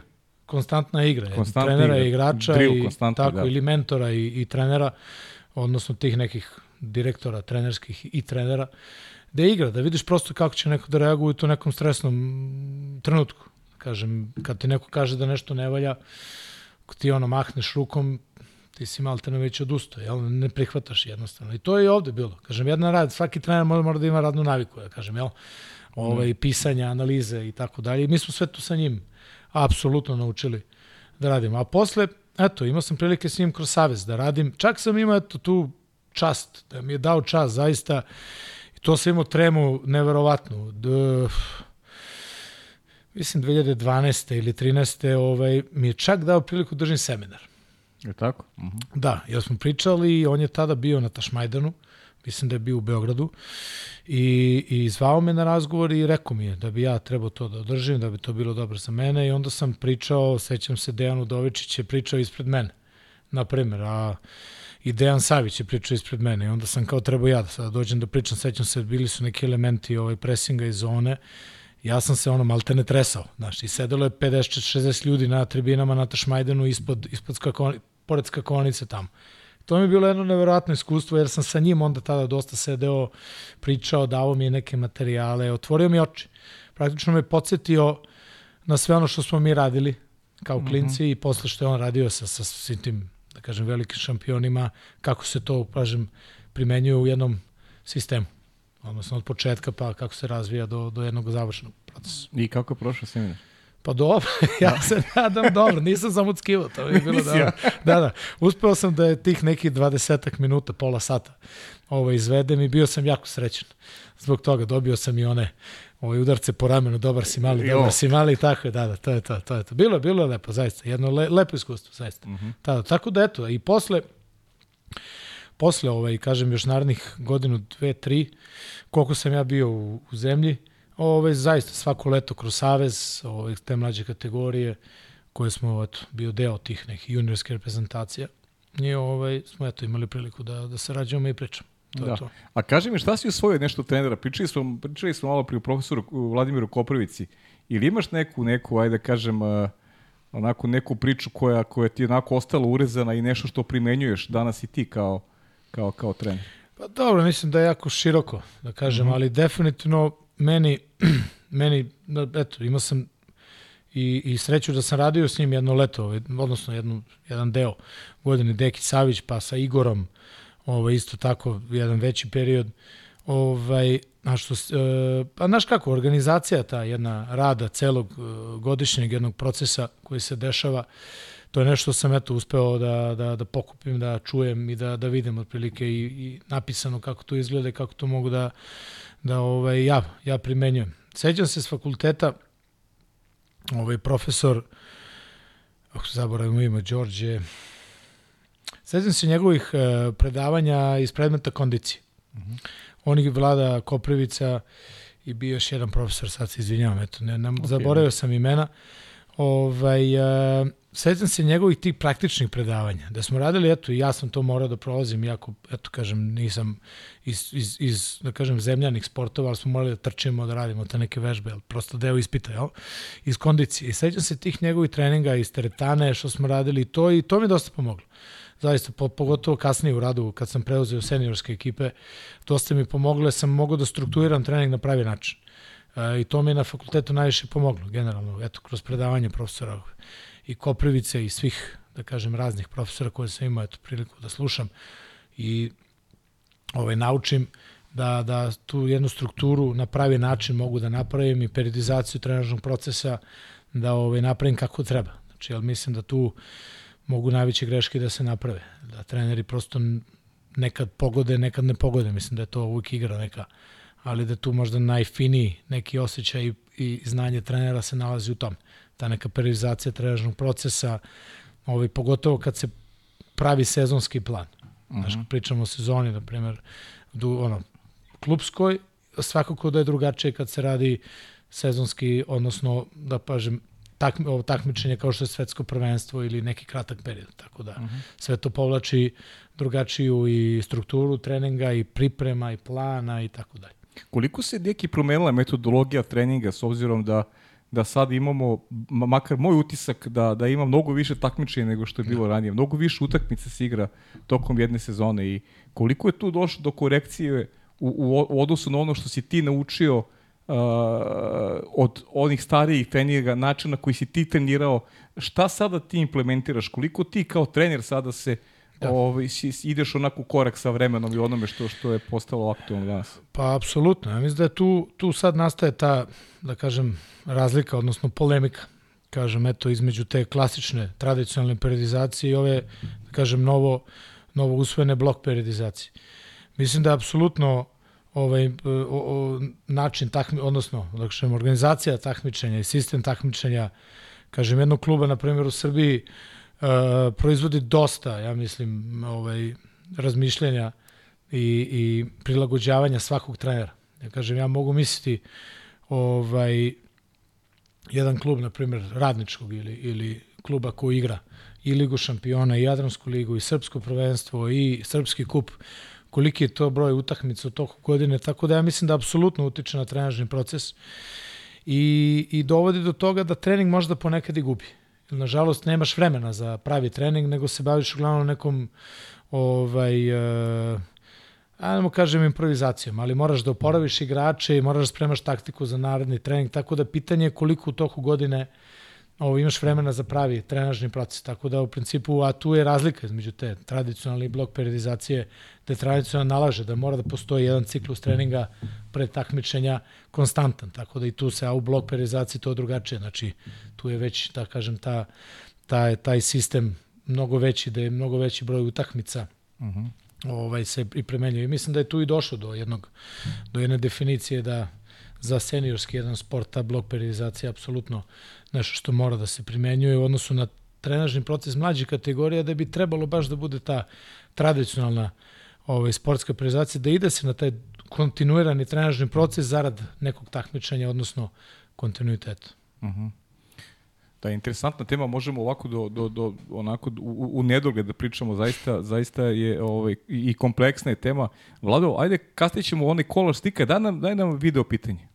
Moj najslađi misterino, Aha. prijatelju moj, interesuje me recimo i sad iz ove perspektive gde se malo osvrnemo osam godina iza, de, deseta godina iza, ti si bio trener studenta, trener dobre ekipe koja je imala i neku, da kažem, i zapaženu ulogu u prvoj ligi, nije, ne znam, najviši nivo, ali jedan srednji nivo gde ste vi i, i, i dovodili igrače i negde ih pravili, imali ste uspeha u mlađim kategorijama i tu si bio, da kažemo, šef stručnog štaba, onda si došao i bio si pomoćnik u, u Proreku gde je bio najviši stepen i najviši nivo rada, gde se sve sigurno promenilo, pa me interesuje te komparacije, ali ono što najviše me interesuje sada kada si šef neke struke u Singapuru i tako dalje, koliko je, koliko je promenjen tvoj ugao gledanja na vaterpolo e, od onda kad si bio šef struke u studentu sa Sakovićem, sećam se i kad ste onako igrali.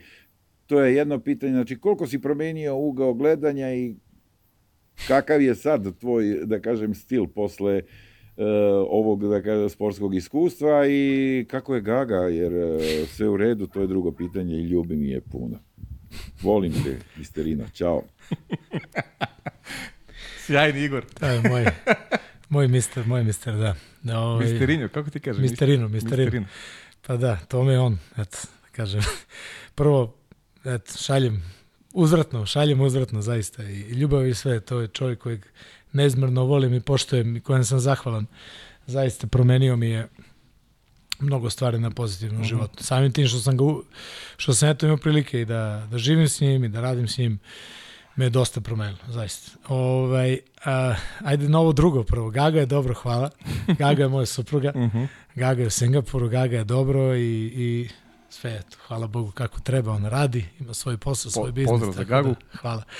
Tako da, ovaj, to je, a što se tiče prvog, e, apsolutno, znači taj deo prelaska ovaj, iz uh, Singi Dunoma, ne, ne studenta, ali nema veze. Ok, da. Uh, jeste, mi, kažem, vratit ću se eto, na tu poslednju godinu gde smo igrali prvu ligu, ovaj, to je sadašnja Super liga, ovaj, gde eto, imali smo mlade igrače poput Drašovića, Tankosića i tada, da kažem, Sjepanovića, ne znam, Dančića, Gigovića koji su bili i već igrača malo starijih od njih, tipa Bjelića, Čabrila, eto Čabrila ja mislim da igra i, i sada i dalje u, u Proleteru. Mhm. -huh. I, I bio je Marko, tada nam se priključio, eto, Javnica igraš iz Crne Gore, Marko Damjanović. Ajde, ukratko sam naveo da ekipu, ali eto, mislim da smo imali jedan dobar rad, da kažem, sa mladim igračima i pokušavali smo da nekako pratimo trend Partizana u tom trenutku, eto, da kažem, najboljeg kluba u, u zemlji, a mislim i tradicionalno, uvek pratiš nekako partizan, jel? Taj neki sistem rada, u, ranije. Ne mogu sada da, da kažem da li je tako, da, okay. nisam siguran, nije ni bitno.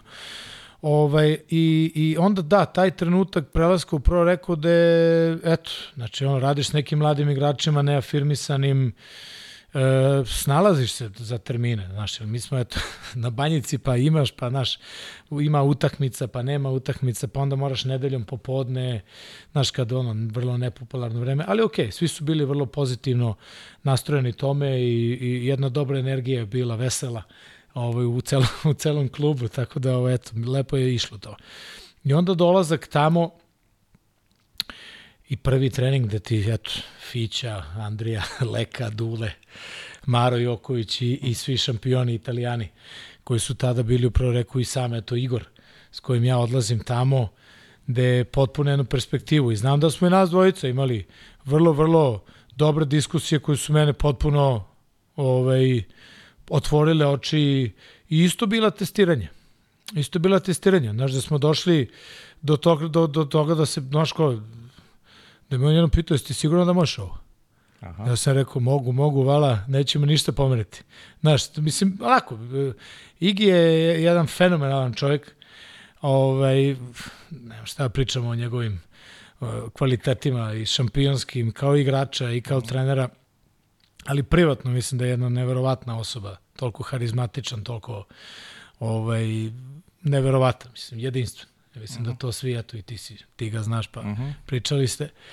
Ali taj, taj razgovor van bazena, van treninga uh, uh, mi je potpuno stvarno promenio uh, gledanje i, i na vaterpolo i na trening i na komunikaciju sa igračima i neko strukturiranje ekipe i postavku sistema igre ovaj, jednog, da kažem, novog novog sistema koji smo mi tek preuzeli. Znaš, kako je on to radio, kako je usklađivo igrače, kako je konstantno uh, znaš, uh, igrao šah sa, sa njima, što ja kažem, eto, što mislim da on igra šah konstantno i obožava šah i stalno je govorio, moramo da igramo šah, ovaj će unutra, ovaj će napolje, ovaj će vamo, ovaj će tamo. Uh mhm. -huh.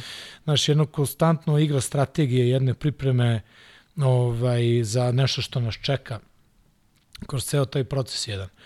A za ovo poslednje danas, pa svakako, eto, taj rad me je otvorio, da kažem, uh, Danas, e, eto, sa, sa uglade sam, eto, kažeš, šef struke ili neki, da kažeš, na poziciji neku, nekoj liderskoj, pa svako se trudim da, da pre svega uh, u radu sa trenerima imam otvorenu jednu komunikaciju gde, gde, gde, gde svima dajem poštovanje.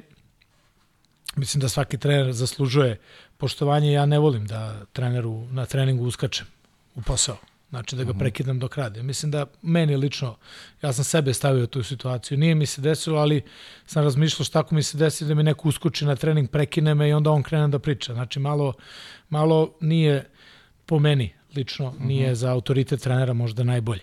Mhm. ovaj, ali svaku radu s trenerima se trudim da ne dam poštovanje prostora da mogu da se iskažu i moje deo tu da budem, eto, kažem, savjetovodavni i da kažem da zajedno pravimo taj neki plan i program kad dođe do toga. Što se tiče igra, igrača, pa mislim da je to, kaže, manje više isto, samo s drugačije tačke gledišta. Mislim da od nivoa igrača, od, od uh, ambicija igrača, a i zemlja da se nalaze, što to i diktira. Da, ali svakako da danas, posle svih ovih godina, mnogih razgovora i sa njim, ovaj, u zadnjih x godina, eto, imamo opet tu, kažem, i privilegiju da se i privatno vidimo kad god nam daje vreme. ovaj, da možemo da razgovaramo o razno raznim ove stvarima i o psihologiji i o ovaj, sociologiji, tako što on jako voli i voli da še, deli, da kažem, i iskustva i savete o tome. Uh -huh. ja. A mislim, privilegije uopšte što te, što te izabrao da, da, da, da kreneš sa njim u, ove, ove, upravo, upravo rekao što neki pokazatelji i poverenja koji ima u tebe, s obzirom da idete u klub koji je ovaj, pa moramo to da kažemo, najveći na svetu yes. trenutno jedan. Yes. Kad pričam i o budžetima i o igračima koji u krajnjem slučaju, a to se sada manifestuje i kroz broj osvojenih trofeja. Yes. To rekao i, Absolutno. Rekao i tu drži primat kada govorimo o, o, o, o, o Ligi šampiona da. i o tom, o tom elitnom takmičenju. Pa, aj kaži mi nešto, možda podeliš nešto tih nekih, ajde, razgovora s Igorom, što je tebe, ajde da kažem, negde i i oblikovalo i dalo neke smernice za, za, za, za posao kojim se, za posao kojim se baviš, a u, ujedno volio bih da mi malo ispečeš, eto, kako je, znaš, kako je raditi sa da. svim ti velikanima, ti imaš maltin jednu reprezentaciju sveta imaš, imaš na okupu i, i, da. i sa njima provodiš vreme maltin da. na, na dnevnom nivou. Apsolutno. Prvo, da kažem, eto, taj, taj deo što si malo prepomenuo, ovaj, a, meni bilo potpuno neočekivano, da budem da. iskren, znaš. Tako. Jer eto, malo, mi smo jako malo sarađivali, mislim, on bio Igor, Igor, Partizanu, mm već u svoju ligu šampiona i tako dalje. Eto, mi smo bili na banjici, ali nismo radili zajedno. Znaš, i onda taj, više smo mi, eto, sedeli, pričali, on je znao moj rad. Ove, eto, bili smo zajedno stalno, mislim, tu na banjici. I, i video je kako se to razvija kroz neke igrače, neke rezultate, kroz te mlađe kategorije i tako dalje. I taj poziv na kafu i, to pitanje mi je bilo onako kao samo izletalo iz mene da. Znaš, ali bilo je, da li ovaj, bih želeo da ideš sa mnom u Italiju, reku da. I ono, nisam ništa, ne interesuje me ništa da. I to je to. E, pa razgovori s njim, pošto smo jedan deo godine živjeli zajedno. Mm -hmm. Ove, ovaj, ja sam tamo, svako imao svoj stan, ali moj stan je imao neku havariju, ovaj, propao je krov ovaj, zbog neke poplave iznad i morao sam da izađem. I onda u tom trenutku stvarno bio neki nezgodan period, niti je bilo stanova, morao bi da idem van Sorija, gde smo bili u tom trenutku. I onda je bilo kao, ok, aj dođi kod mene, kad vidjet ćemo, ako nađeš, nađeš, ali eto, nisam ni tražio, posle ostao da smo zajedno do kraja sezone. I to je bilo neprocenjivo, zaista, jel, da kažem, pogotovo uveče. Uh -huh. Uveče, eto, kudana, znaš, ono, imaš ujutru trening, svako neki svoj ritam. Ja sam mora normalno, ideš pravo u teretanu, da spremiš teretanu, namestiš te sprave, organizuješ trening, dolaze igrači, ovaj, kreće to, Igi je uvijek dolazio oto, u 9, 9 i 5 i onda on malo gleda i tu je u suštini kao i glavni trener, jel, kako mm. to ide, deo taj teretane. A onda u toku dana, znaš kako, neki sastanci, analizu imaš, gledaš, ali uveče smo eto mogli da sednemo i da časkamo, eto neko, spremali smo hranu zajedno, tu smo se uvek, da kažemo, ovaj, ovaj, challenge-ovali, ko će spremi mm -hmm. ovo ili ono. Igi je majstor za pastu, mislim, to nema šta, najbolja pasta, ovaj, sa tunjevinom je ovaj, master, master. Ovaj, tu je, ali tu smo mogli da razgovaramo, stvarno, i onda, ta, kažem ti, taj, taj, sećam se razgovora, uh, on mi je, na primjer, prepričavao, ovaj, mislim, više doživljaj sad, njegovo to, neke pripreme u Kikindi, za Seul, uh, mislim da je on to i pominjao ovde kad uh -huh. je mhm. bio i onda taj način taj način Ratkov, na primjer, u komunikaciji sa njim, direktno, naš, da, je, da, je, da je ga jedan dan, ono, olabavio, jer su bili svi, ne, neverovatne neke pripreme su bile, da su bili po velikim fizičkim i ovim, mentalnim stresom, da, ga je, da, ga, da ih je pustio. Jedan dan ih je zvao na treningu, vlada ih, ako sad da ne pogrešim, ali znam da je nešto potpuno neočekivano bilo što je njih potpuno mentalno ono oporavilo u tom mhm. trenutku. Mm -hmm. Tako da eto, to je, da kažem, nekom ophođenu u ophođenju sa igračima, onda u komunikaciji, da kažem opet, naš način na koji on m, namerno napravi malo napravi malo tenziju u toku treninga da bi se digla tenzija zbog utakmice koja dolazi. To mi je jako bitno bilo i video sam to je majstorski, majstorski radio. Uh mhm. -huh. Zaista, mi se radi dan danas, verovatno. Ovaj, a, da namerno unese neku promenu i vidi grešku i napravi tenziju zbog toga, zato što hoće da vidi reakciju ekipe. I to mi je zaista bilo onako zanimljivo i, i sjajno što sam eto bio deo toga i mogao da učim. Uh mhm. -huh. deo. Ali opet, znaš kako, kad radiš u tom klubu e, e, e, i sa tim igračima i od tih igrača ti učiš svaki dan. Što neverovatno, ja sećam treninga pravili smo neke snimke, Maru Joković i Andrija i mislim da je bio Fića. Sad ti neke izvedbe nekih vežbi, ono je fantazija. Znaš, gledaš i uživaš. Prosto vidiš, to, to su jedinstveni majstori koji su lucidni, koji imaju potez jedinstven njima. Znaš, to je, to je teško i naučiti nekog drugog. Znači, to je ono, Michael Jordan, waterpola. Znači, Tako, gledaš da, ga ispred da. sebe i imaš i, i, i, i privilegiju i zadovoljstvo da, da možeš to da, A, da vidiš. U stvari mnogo Jordana na jednom mestu. Jeste, mnogo Jordana na jednom mestu, slažem se. Mestu, bilo da. ih jedno pešes. Jedno da, pešes, da. Pešes ih je bilo, da, definitivno. A tu je majstor, znaš šta je tu, to, Top Dogi, naš govori o pro reku, s ozirom na potencijal kluba i to šta je sve prošlo kroz klub, nisu oni svake godine bili uspešni. Znaš, treba, da. treba Znaš, treba pomiriti sve te, sve te sujete i ovaj, uskladiti jedan, jedan, jedan skladan brak. A, a to je opet na, na treneru da napravi tu, ovaj, tu neku viziju. Vi ste te godine imali, imali uspeha i kako? Jeste, jeste. Bilo je, prvo pritisak je jako veliki. Mislim da je to eto sad Miloš, Miloš Ćirić koji je tamo već godinama, Jest. može najbolje, još bolje Jest. da kaže sigurno. Da, da. Ali pritisak je konstantan. Znaš, ti živiš sa spoznajom da nemaš pravo na grešku. Sad, koliko god ti bio dobar, mislim, ne, nisu roboti. Znaš, i robot kolabira. Tako, Tako da ovaj, desi se neki loš proces. Tako da, znaš, živi s tim stresom svaki dan, budiš se s tim, prolaziš kroz treninga sa tim i generalno mi smo imali ciljeve, eto, koje smo na kraju ispunili.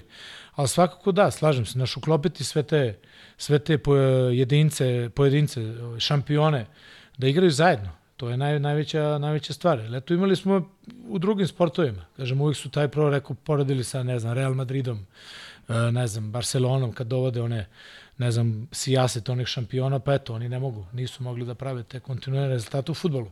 No. Ali eto, Waterpolu rekao je isto imao te probleme, da su imali po dvadesetak igrača pa nisu osvajali tu ligu šampiona. Eto, setimo se najbolje 2011. da je, eto, mislim da je pro rekao imao maltene 11-12 stranaca u tom trenutku, a Partizan ih je dobio u finalu. Da, i to, i to lagan. Tako je. Mm. I, I godinama posle, pazi, eto, mi smo osvojili tu ligu šampiona te godine i eto, nažalost nismo nastavili saradnju. E, naredne tri ili četiri godine oni nisu, nisu. nisu uspeli, a ja bih rekao da godinu dana posle toga su oni doveli i Sandra Sukna, Just. znači na sve te igrače koji su imali su doveli i Sukna i nisu uspeli da osvoje. Pa doveli su i Mandu, čini mi se. Ili, I Mandu. I Mandu, I Mandu, da. I Mandu, Jeste, i Mandu, i Mandu su doveli, da. I Mandu, da. I Manda je došao, tako da ovaj, neverovatna jedna ekipa u tom. U stvari, mhm. -huh. Manda je zamenio Jokovića. Da, Manda zamenio Maru, da. jeste. Manda zamenio Manda Maru. je tako, je zamenio njega a, i došao je Sandro. Znači, oni su imali bukvalno postavu reprezentacija sveta. To je šest najboljih igrača, verovatno, u tom trenutku. Fića, Manda, Dule, Leka, Sandro i, i Andrija. da. Ali eto, nisu uspeli da osvoju Ligu šampiona te godine. Ni sledeće godine. Da. Ni sledeće godine. Tako da eto, to je to. Je to. Mislim da ja, ko je bio tamo može najbolje da kaže. Mislim da eto to iz mog ugla, eto, jednogodišnjeg, nažalost, da, nažalost, ali, eto, sup, samo, ali, ali je sjajno, sjajno. Mislim da je to je san koji svako, eto, ja sam imao priliku da ga živim e, odlazak tamo, taj, taj život tamo, znaš, ti si stalno u centru pažnje, ove, gde god šetaš, pojaviš se, naš ljudi te onako tapnu po ramenu, Misterino, pošto eto, taj Misterino naglasak i dan danas, ovaj nadimak. Nadimak. Ostaje dan danas, evo, skoro sam, skoro sam bio u Italiji, ovaj, u junu i bio sam baš u Soriju i opet sam naletio na Figarija, ja mislim, Aha. Misterino, Misterino, tako da, eto, to je to, tako da eto, usvojen je, usvojen je, tako da eto, tamo sam prekršten u Misterino. Da, e, a pazi, to. imao sam priliku, baš te godine ovaj, sam bio, ovaj, malo posetio, ovaj, momke, bio, bili smo u reku, neko, neko društvo, ovaj, to je tačno godinu dana posle vašeg odlaska, mm -hmm. kad je došao i Sandro i yeah. kad je došao Manda, ovaj, taj život tamo, kako si se, ovaj, osim tog druženja sigurom, Kako si provodio dane? Malo je to mesto, ok, pa Genova je blizu, nije ni, ni, ni Milano nije daleko, tako da... da. I si jezik naučio? Pa ja, jesam, jesam. Pa imao sam, imao sam ovaj zadatak da ga naučim. Je tako? Pošto Aha. mi je Igor rekao, i šta sad kao ne znaš jezik, snađi se. E, dobro, imao sam, mislim, šalim se naravno, uh -huh. ali mi je Igor dosta pomogao, jer sam sedeo s njim kao, kao učitelj i dete i svesku uh -huh. i pisao. Igor je znao i zna italijanski jako dobro, on ga je učio i naučio kad je igrao, kad je bio igrač, znači u, mm -hmm. u Rimu, gde, gde je u bio. Rimu, da. I onda mi je stvarno tu, tu jednu osnovu jezika mi je lako lepo preneo. I onda sam ja, kažem, poslušao ga, gledao sam puno televiziju i, i radio i tako dalje. A što se tiče života, mi smo te godine bili u Soriju. Znači nismo čak Sorry, bili ne u, u Reku, Reku, nego u da. Sori. Zašto je u bazen, bazen je bio tada u Sori? Uh Mhm. -huh. uh, Igor je odlučio da budemo tu nas dvojicu, jer je lakše, tu si i to je to. E, pa život u Soriju u zimskim danima onako vrlo Dosadan. Realno. Ajde, da, apsolutno. Znaš, malo mesto, 3000 ljudi, imaš dva kafića i dva restorana koji jedan radi uveče i to je to.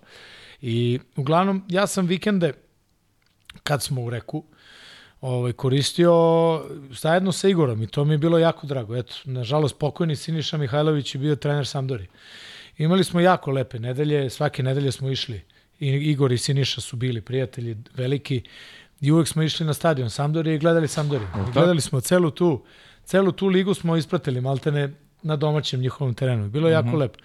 A ove ostale dane, pa znaš kako, to je intenzitet, trening ujutru, trening uveče, ti si u toku popodneva ili se spremaš, ovaj, gledaš neka videa, analize, ili smo, da kažem, negde ono, kažeš, odeš na ručak i to ti prođe, znaš, prođe brzo vreme, a i malo slobodnog vremena ima zaista. Ili ti te godine da nije bilo intenziteta u takmičenju ko sada, ovaj, si, kad je počela Liga šampiona, ti si na sreda, subota, maltene stalno. I onda ide neke pauze su bile reprezentativne zbog svetskih liga i tako dalje. Onda se uvek ili se ode kući ili eto moja tašta živi u Padovi, pa onda žena dođe u Padovu, pa se mi nađemo tamo, pa eto tamo provedeš 5-6 dana i eto to je Pa to. skupi neke cipele u Padovi. Tako je, tako je. Pa ja sam, eto, ja, to me Igor zezao stalno. Ja sam uh, Seravale čuveni između, uh -huh. jel, Dženova i Milana, pa ja mislim da sam bio tamo najrodovniji posetilac u tih godinu dana ubedljivo. Stalno, stalno. Stalno, eto, to je to. Dobio sam maniju neku. Ove, ali ono je sjajno, znaš što, to stvarno za neke sitne novce možeš kupiti jako lepe stvari. To je onako, Da. vrlo je primamljivo. Prima, Prvo, vrlo, vrlo, vrlo. vrlo. zovi, je, zovi je ozbiljen. Jeste, jeste, jeste. Ta, jel tako se lako upecaš kao, znaš, ono 10 plus 10 postoje, kao, ma daj. Znaš, i to je to. I onda se vratim svaki put. On me pita, man, da si normalan? Pa ali dobro, rekao, pa nemam za ovu, ovu kombinaciju, nemam ove patike ili ne znam, ovu jaknu i tako dalje. Tako da, to je to. Da. Dobro, moglo je, eto, moglo je i od i, i, i Sidiša, koji, pokojni Sidiša, koji je stvarno ostavio veliki trag o, i u Italiji, kada govorimo, eto, ne samo igračkoj karijeri, već i trenerskoj karijeri. ne. Eto, bilo je prilike, onda imao si i tu privilegiju i da, da slušaš i te priče vezano za, za, za, za trenerski posao. Stvarno Da. legenda, legenda Sampdorije i Ja sećam stiska njegovog, uh -huh. koliko je onaj čovjek bio čvrst. Neverovatno nešto. Sećam stiska, znači kao da sam kamen uhvatio. Što to, to, tako, ne, neverovatno nešto. To prvi put u Nerviju, sećam se i gde smo ga sreli. On je izlazio iz banke, mi smo ulazili u banku. I jo, o, njih dvojica se, ja se upoznao s njim, oni su ispričali, ali taj stisak ruke mi je bio neverovatan. Kažem, još naš futbaler, ne očekuješ, mislim, ništa Da, da. loše, ali, ali znaš, ovaj, toliko je čvrst nekako bio, ono, tako da, eto, prosto ne mogu da, da, da eto, shvatim da, eto, njega, nažalost, ne. Mhm. Eto. Znači, gledali ste sve. Dobro, eto, imali... Jesmo, uživanje, to je bilo sjajno. Sećam se, došao eto, u Sampdoriju. Da. I mi smo, ove, eto, Siniša nam je velikodušno ostavljao te karte uložio na njihove. I sećam se, jedna utakmica je bila, kreće utakmica, a svi novinari gledaju ka tribinama. Niko ne slika sredinu terena.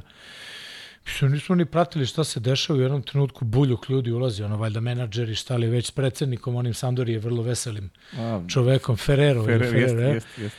I ulazi eto, i on prolazi pored mene Igor, ono, da tu, se kaže, i seda tu pored nas, rekao, da, verovatno svi zašli nekim novinama, ono, neplanirano, ali eto je tu, eto, i da je to, mislim, to je eto koji je bio legenda, stvarno, takav futbaler, ono, neverovatan, neverovatan. Da, To. sjajno. Ovaj, Vlado, ajmo da prođe ovaj kolaž ovih fotografija, da, da, ovaj, da prođe da vidimo šta, šta ima tu, ovaj, da prokomentariše malo i, i Deki šta mu je važno, šta je... Da, O, ovo je, ovo je Deki, ovo je prvo rekao, kad to je prvo rekao, tako, da, titula Ligu šampiona, Šta jes. beše, ko je bio u finalu tada? Bilo je Primorje. Pri, e, Primorje, Primorje, bravo, Primorje, Primorje, koje tako je bilo izuzetno jako. Da je bilo, bio je Sukno, bio je Muslim, Radu, Da, bilo Mađara, čini mi se. E, jel Mađari su otišli godinu Otišli, dana tako, pre toga. Mađari, bio je taj turnir, ceo je bio jako, jako zanimljiv. Solnok je bio. Ovo je već Singapur.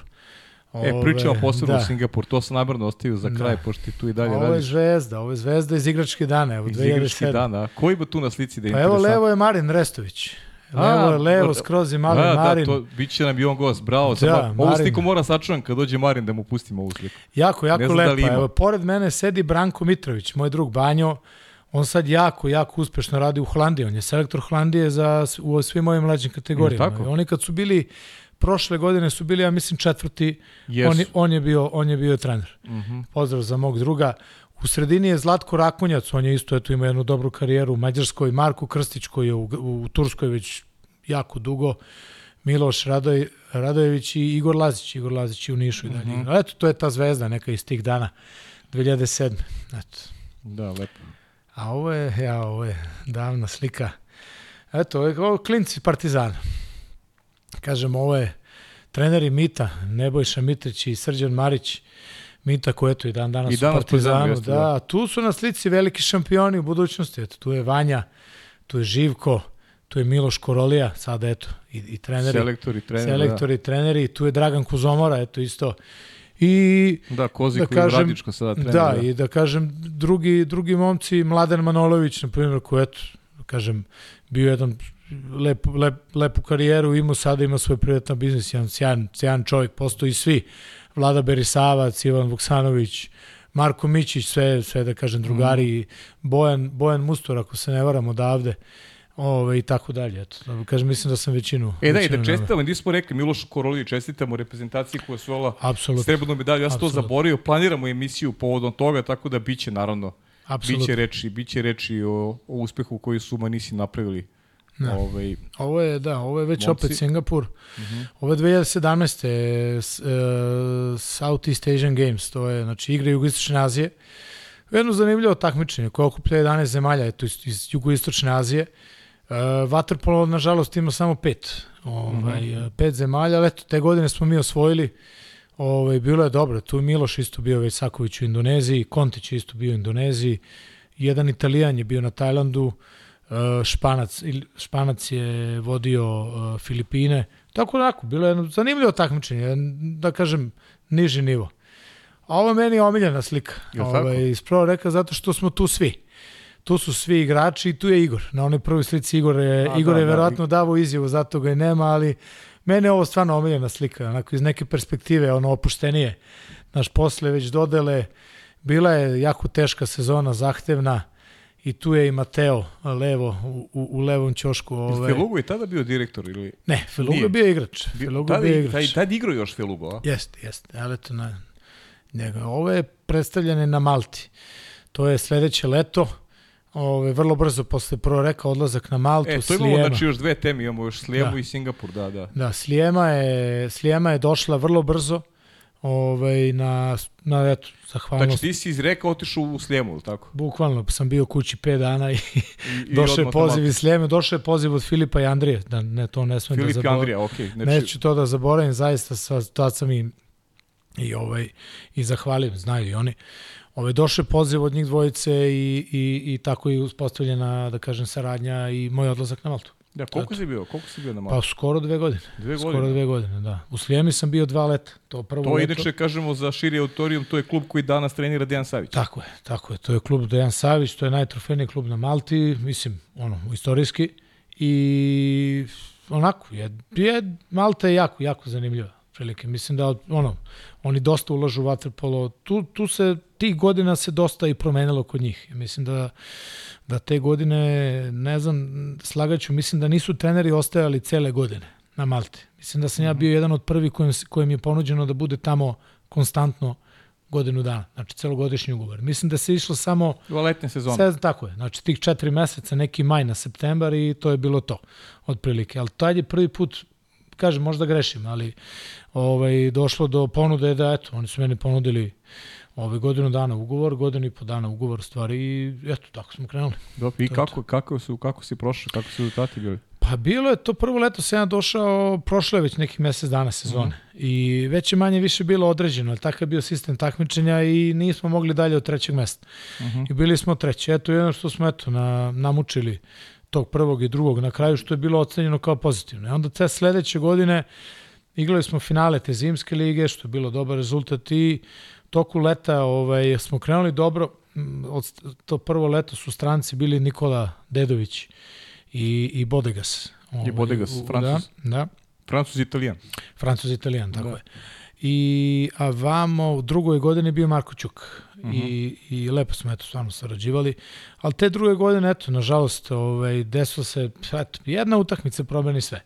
Ta jedna utakmica, da eto, ja nažalost, tad sam dobio prvi put crveni karton, a da ga nisam dobio na utakmici.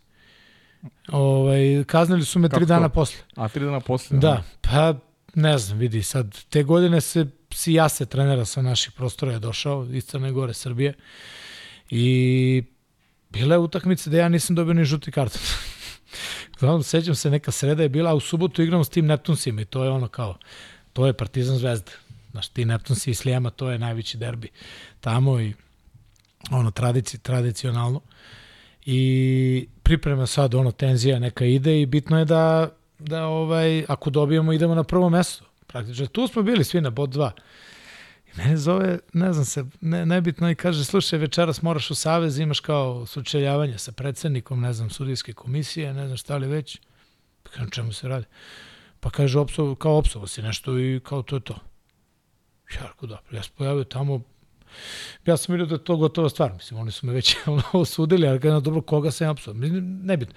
Šta se desilo, ja se ni ne sećam, praktično, jer, kažem, nisam bio ni sankcionisan. Glavno, ja sam bio kažnjen jednu utakmicu i baš tu, nažalost, nisam sedao na klupi i izgubili smo 7 4, 7, 5 i tu su nam otišli na 5 bodova i to je bilo dovoljno da ne možemo da istignemo. Uh mhm. -huh. I to je to, ali Liga je vrlo, vrlo zanimljiva, vrlo emotivno, uh, se to prati od strane Maltežana. Ima i ljudi, a puni su tribine. Ima jako puno ljudi na utakmicama, pogotovo kad su te utakmice Slijema, San Julian i Neptunes, taj trio. Uh mhm. -huh. To su tri najpopularnija kluba koji imaju stvarno jako puno navijača. Tu dođe po 5-7 hiljada ljudi da gleda. Da, da, zaista, zaista. Jako lepa atmosfera, onako karnevalska. Što oni dovedu neke orkestre, to bude muzika, onako onaj pleh orkestar, što bi se reklo kod nas i, i vrlo, vrlo zapaljiva atmosfera, čak moraju da ih razdvajaju.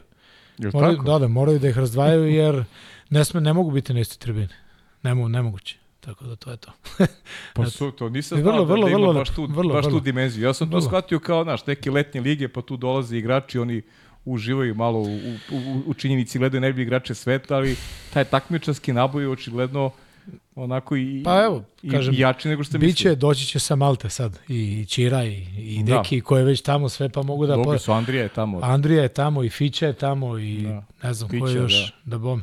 Ali ja se sećam tih jutara, na primjer, ja ujutro odem na trening, ja hodam, sad to je s jedne strane na drugu stranu ulice, Pa 30 ljudi, ej coach, ej coach, dobijamo večeras, dobijamo večeras. Znaš, to je ono, stvarno jedna lepa, lepa tenzija, lepo iskustvo. Tenzija uh -huh. s jedne strane, ali igračima mislim da je uživanje. Mislim da je uživanje, jer stvarno ih lepo i doći. Sve, sve, sve, ne, zaista, lepo se obhode prema svima, s velikim poštovanjem i to su ozbiljni klubovi. Zaista, uh -huh. znači onako, možda deluje, ali to su klubovi koji imaju dobre budžete i mogu im sve to da isprate na jakom lepom nivou. Ja. Da, i super je što se igra, ovaj, igra se na otvorenom, tako, tako igra na otvorenom. Da, da, da, na otvorenom bazenu, čak... Letnja sezona. Čak ovaj, mlađe kategorije mi igraju u moru. Mlađe mhm. kategorije, mm -hmm. te letnje lige igra u moru, to je jako lepo. Onda to se igra po tim klubovima, to isto bude. Par stotina ljudi gleda dečicu.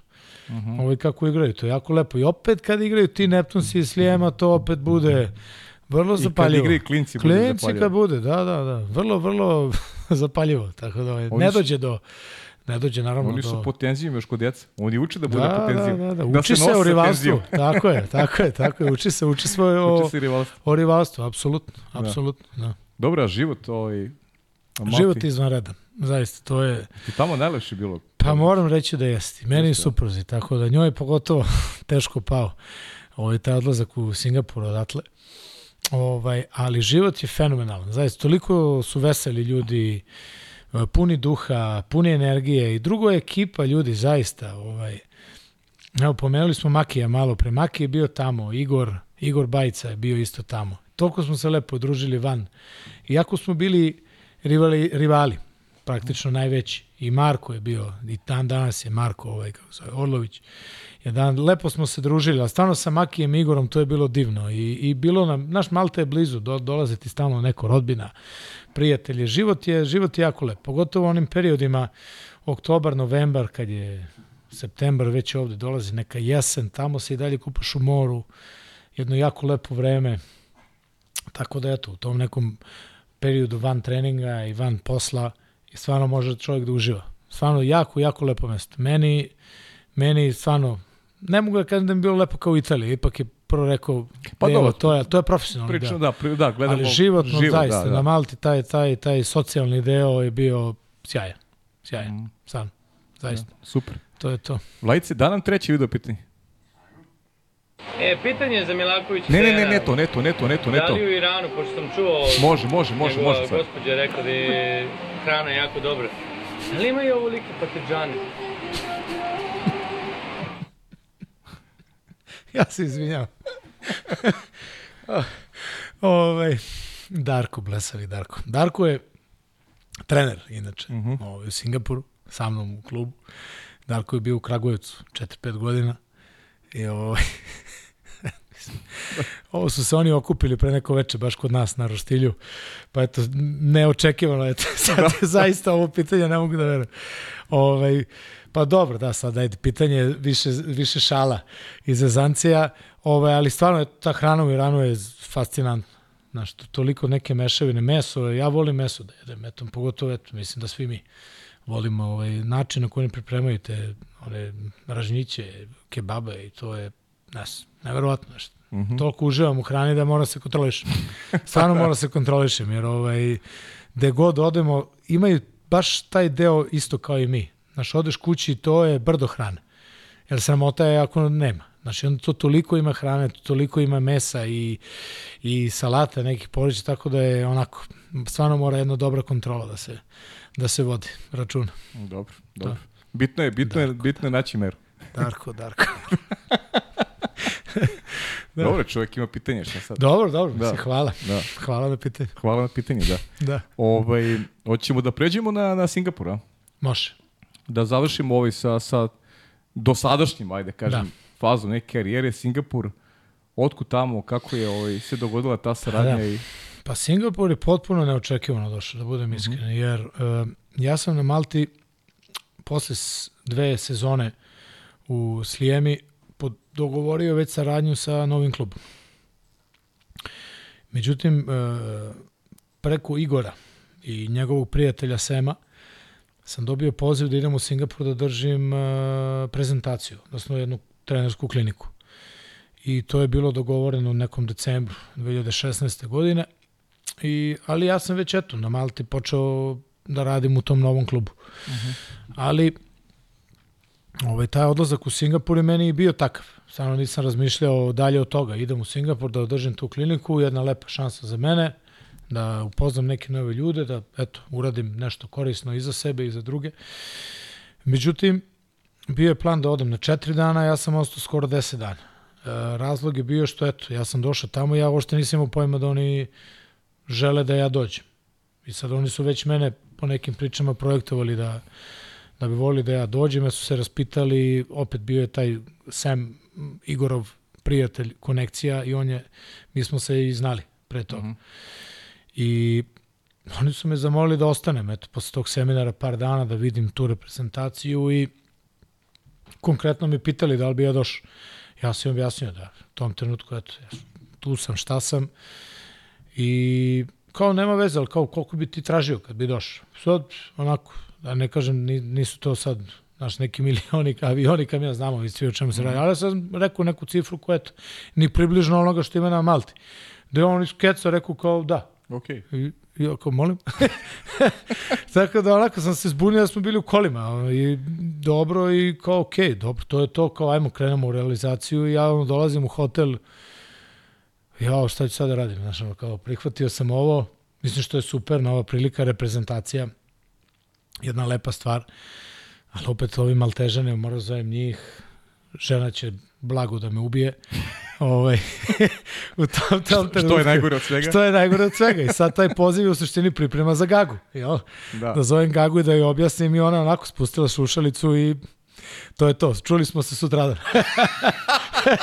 to, je, to, to, je, to je bilo to. Ali onda sam ja objasnio o čemu se radi, o prilici, o svemu i tako je krenulo. S Maltežanima je ok ispalo. Oni su ovaj, bili e, ne mu kažem neorganizovani, ali taj naš ugovor koji smo pred ugovor potpisali uopšte nisu verifikovali.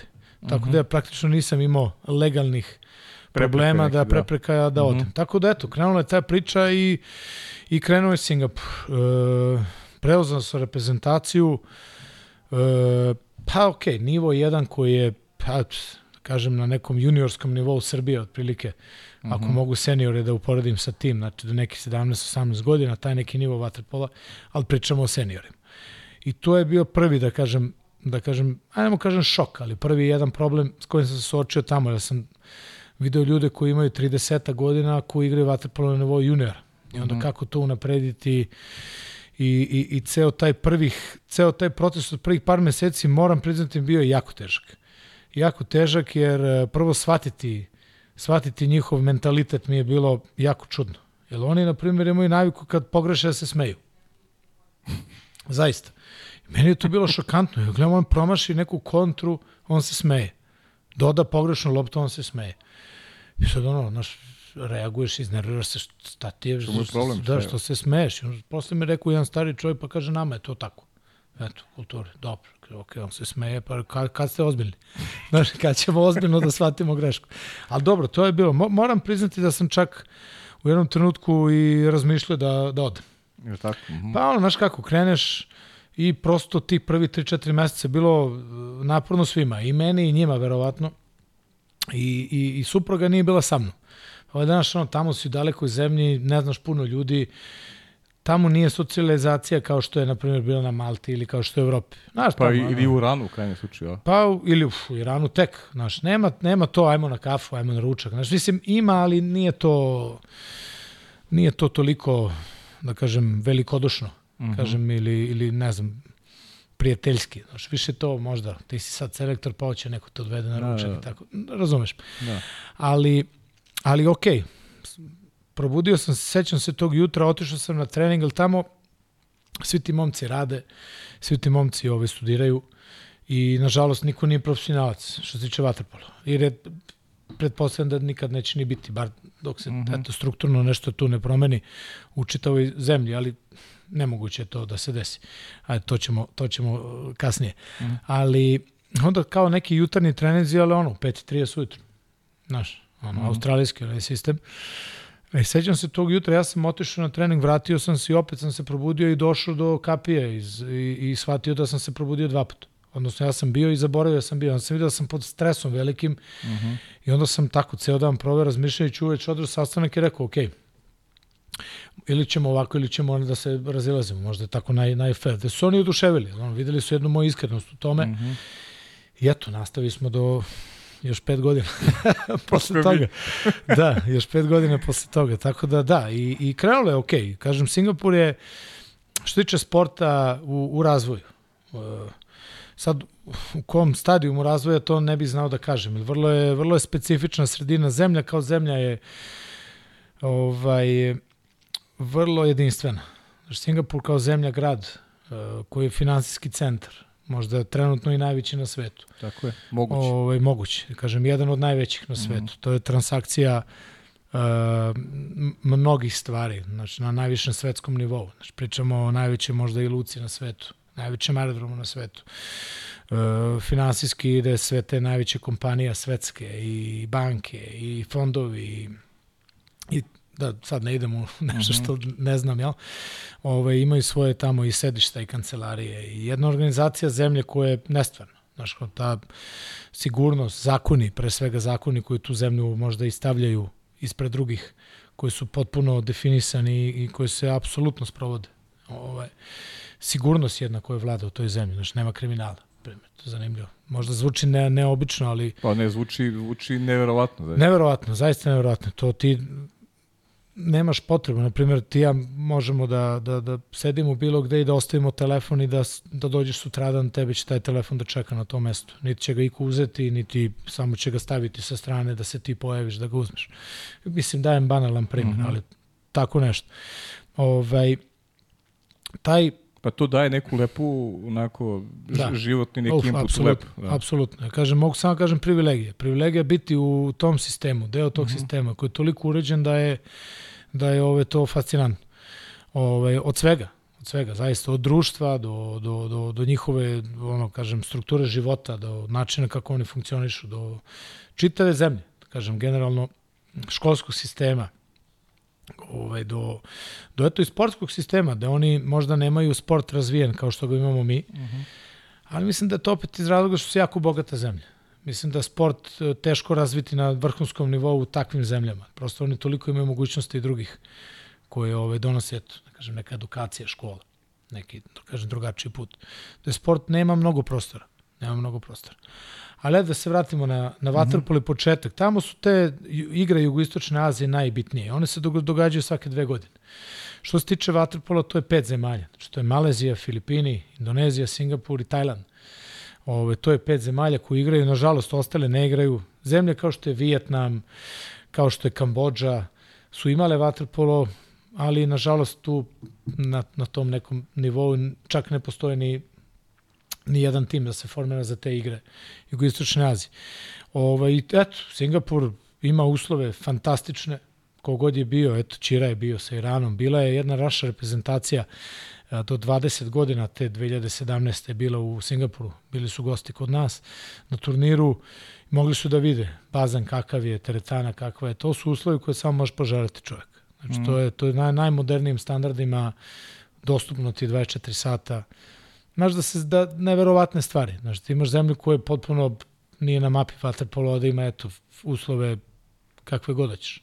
Či hoćeš bazen 3 sata ujutru, 3 sata uveče, ti treba 6 golova, 8 golova, hoćeš salu koja je prazna, hoćeš salu sa ovim, da kažem, slobodnim tegovima ili ćeš da ideš u teretanu. Znači, sve ti je tu u okviru od 500 metara. Uh mhm. -huh. Znaš, onda imaš sobe za oporavak, imaš biomehanički, biomehaničku laboratoriju, ovaj, te možeš da testiraš igrače na bilo koje, da kažem, fizičke ovaj, ovaj, karakteristike i sposobnosti.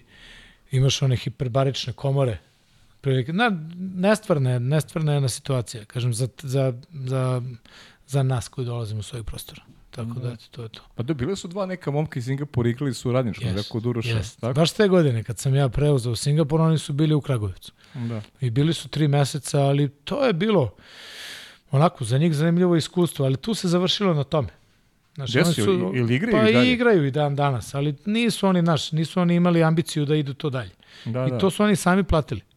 Da, da, znam. To su oni znam sami priču. platili, da. da. To su oni sami, ok, koristilo im je to leto. To, to uh mhm. -huh. takmičenje što smo igrali, eto, 2017. U, u Maleziji osvojili i, i koristili. Isto, isto osvojili, da?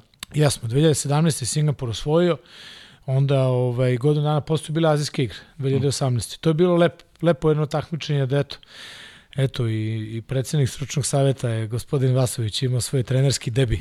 Jeste, A da. mislim i kraj. Ne znam da li je kraj, ali ajde, za sada je kraj. da, da. Ovaj, I bilo je lepa, lepo takmičenje, lepa ekipa ljudi. Kažem, bio je Čira sa Iranom, Jugoslav je bio sa Saudijskom Arabijom, Miloš je bio sa i Zoran Kontić sa Indonezijom ja sa Singapurom i Nemanja je bio Knežević sa Kazahstanom. Da, i, Nemanja, da, sa Kazahstanom, jeste. I pritom Pera Porović je bio sa, sa Kinom. Sa Kinom, Pera, Tako da, da, skoro sve zemlje su imale eto, trenere sa naših prostora. Sem Japana i Hong Konga, ja mislim, sve ostale zemlje su imale naše trenere praktično, što je bilo jako lepo. Bilo jedno lepo priznanje, mislim, u tom trenutku za, za naš vaterpolo generalno. Da. To je bilo zanimljivo takmičenje, eto, kažem, ovaj, da je to Iran napravio iznenađenje, tada dobio Kinu za treće mesto, da je Kazahstan napravio iznenađenje, dobio Japan u finalu, onako na jednu vrlo, vrlo grubu utakmicu. Kažem, Kazahstan ima jednu prekaljenu ekipu starijih igrača, oni su da... Znali su se takmiče. Au, bilo je to čupavo. Za Japance. za Japance, Za Japance. Da. Stvarno, ono, na, uvatili su ih dobro i svaka čast. Znaš, stisli su ih i eto, prošlo im. Prošlo im. Ovaj, to je to. I onda 2019. eto, posle toga opet je jugoistočna Azija i dolazi COVID. to je to. I onda tu dosta se stvari promenilo, poremetilo. Mm. Tako da eto, to je tu negde 2021. otprilike. Čekaj, kako gledaš sad? Ka, koliko još ovaj Singapur ili imaš neki neki plan ovaj, ti si dalje, bez obzira što si da. selektor i rana, ti dalje da. imaš tu neku... Pa meni kad je isticao ugovor, pošto uh -huh. je mhm. bio COVID, kaže, mi smo imali neki dogovor u COVID-u, uh mhm. -huh. ali COVID je došao, COVID prosto promenio ovaj, dosta stvari, pogotovo je tamo bilo napeto te dve godine. Ovde se život je relativno brzo normalizovao. Kažem, Azija je cela bila u jednom procepu. Evo, Kina se skoro otvorila, jel? Uh -huh. Ali Singapur je bio jako strog u tim zakonima. Nisam mogao doći kući dve godine. Na primjer. Eto, to, nisam mogao da se vratim.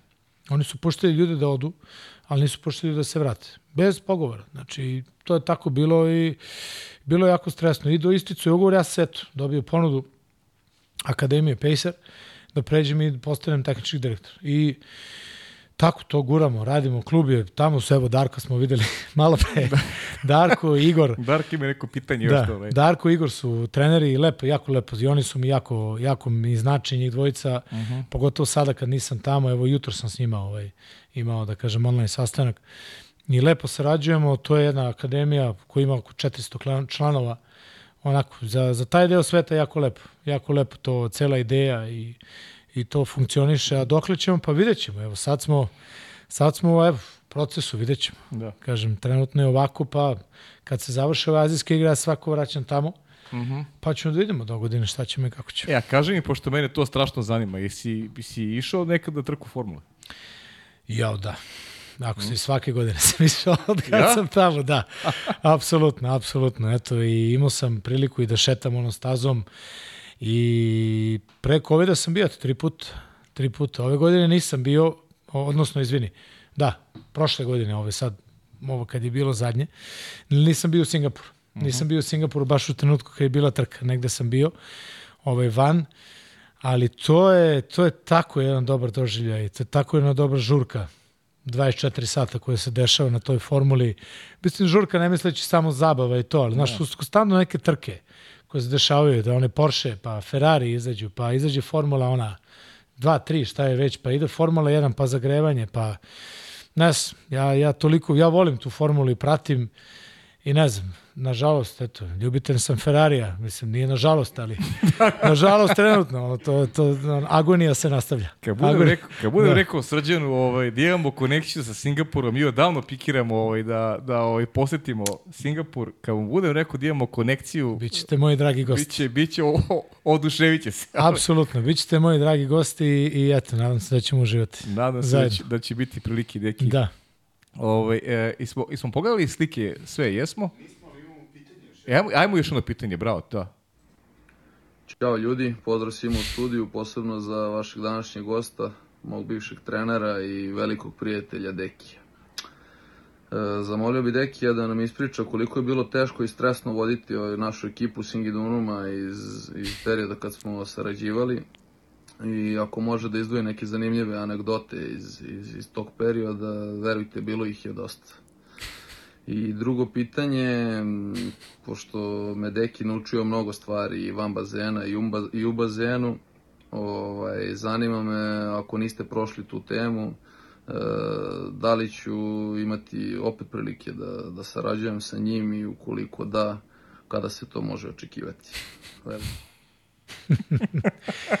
Dragi moj naš, no, sada, da. eto, naš ustaljen reprezentativac. I neko ko ja odavno smo se nas dvojice dogovarali, rekli smo po svetsko prvenstvo, tako da ga čekam ovaj, u što skorije vreme da bude na tom tvom mestu.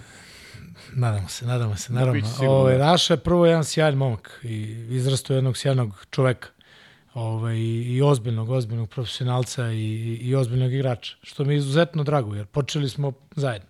Uh mhm. -huh. Meni je to bio početak trenerski, njemu je to bila neka 11. godina, otprilike i eto, dogurali smo do tog prvog tima Singi Dunoma. Pa ajde za to prvo pitanje. Da, bila je, bila je sjajna atmosfera. Ta ekipa je onako bila, toliko se, znaš kad se ponekad složi, mislim, nije to, nismo mi bili šampioni i tako dalje, ali toliko jedna dobra atmosfera bila. Sećam se jednog jutra, na primjer, kad su došli momci onako iz grada, znaš, Pravo. Bilo im lepo, bilo im lepo. Da. Mene je to bilo simpatično da sam ih našao u teretane da spavaju. Došli su na vreme ali su bili sjajni, znaš, nisu propustili, ali su spavali u teretani. Ja sam vidio o čemu se radi, samo sam im rekao, ne zanima me, imamo to i to da odradimo i slobodni ste uveče.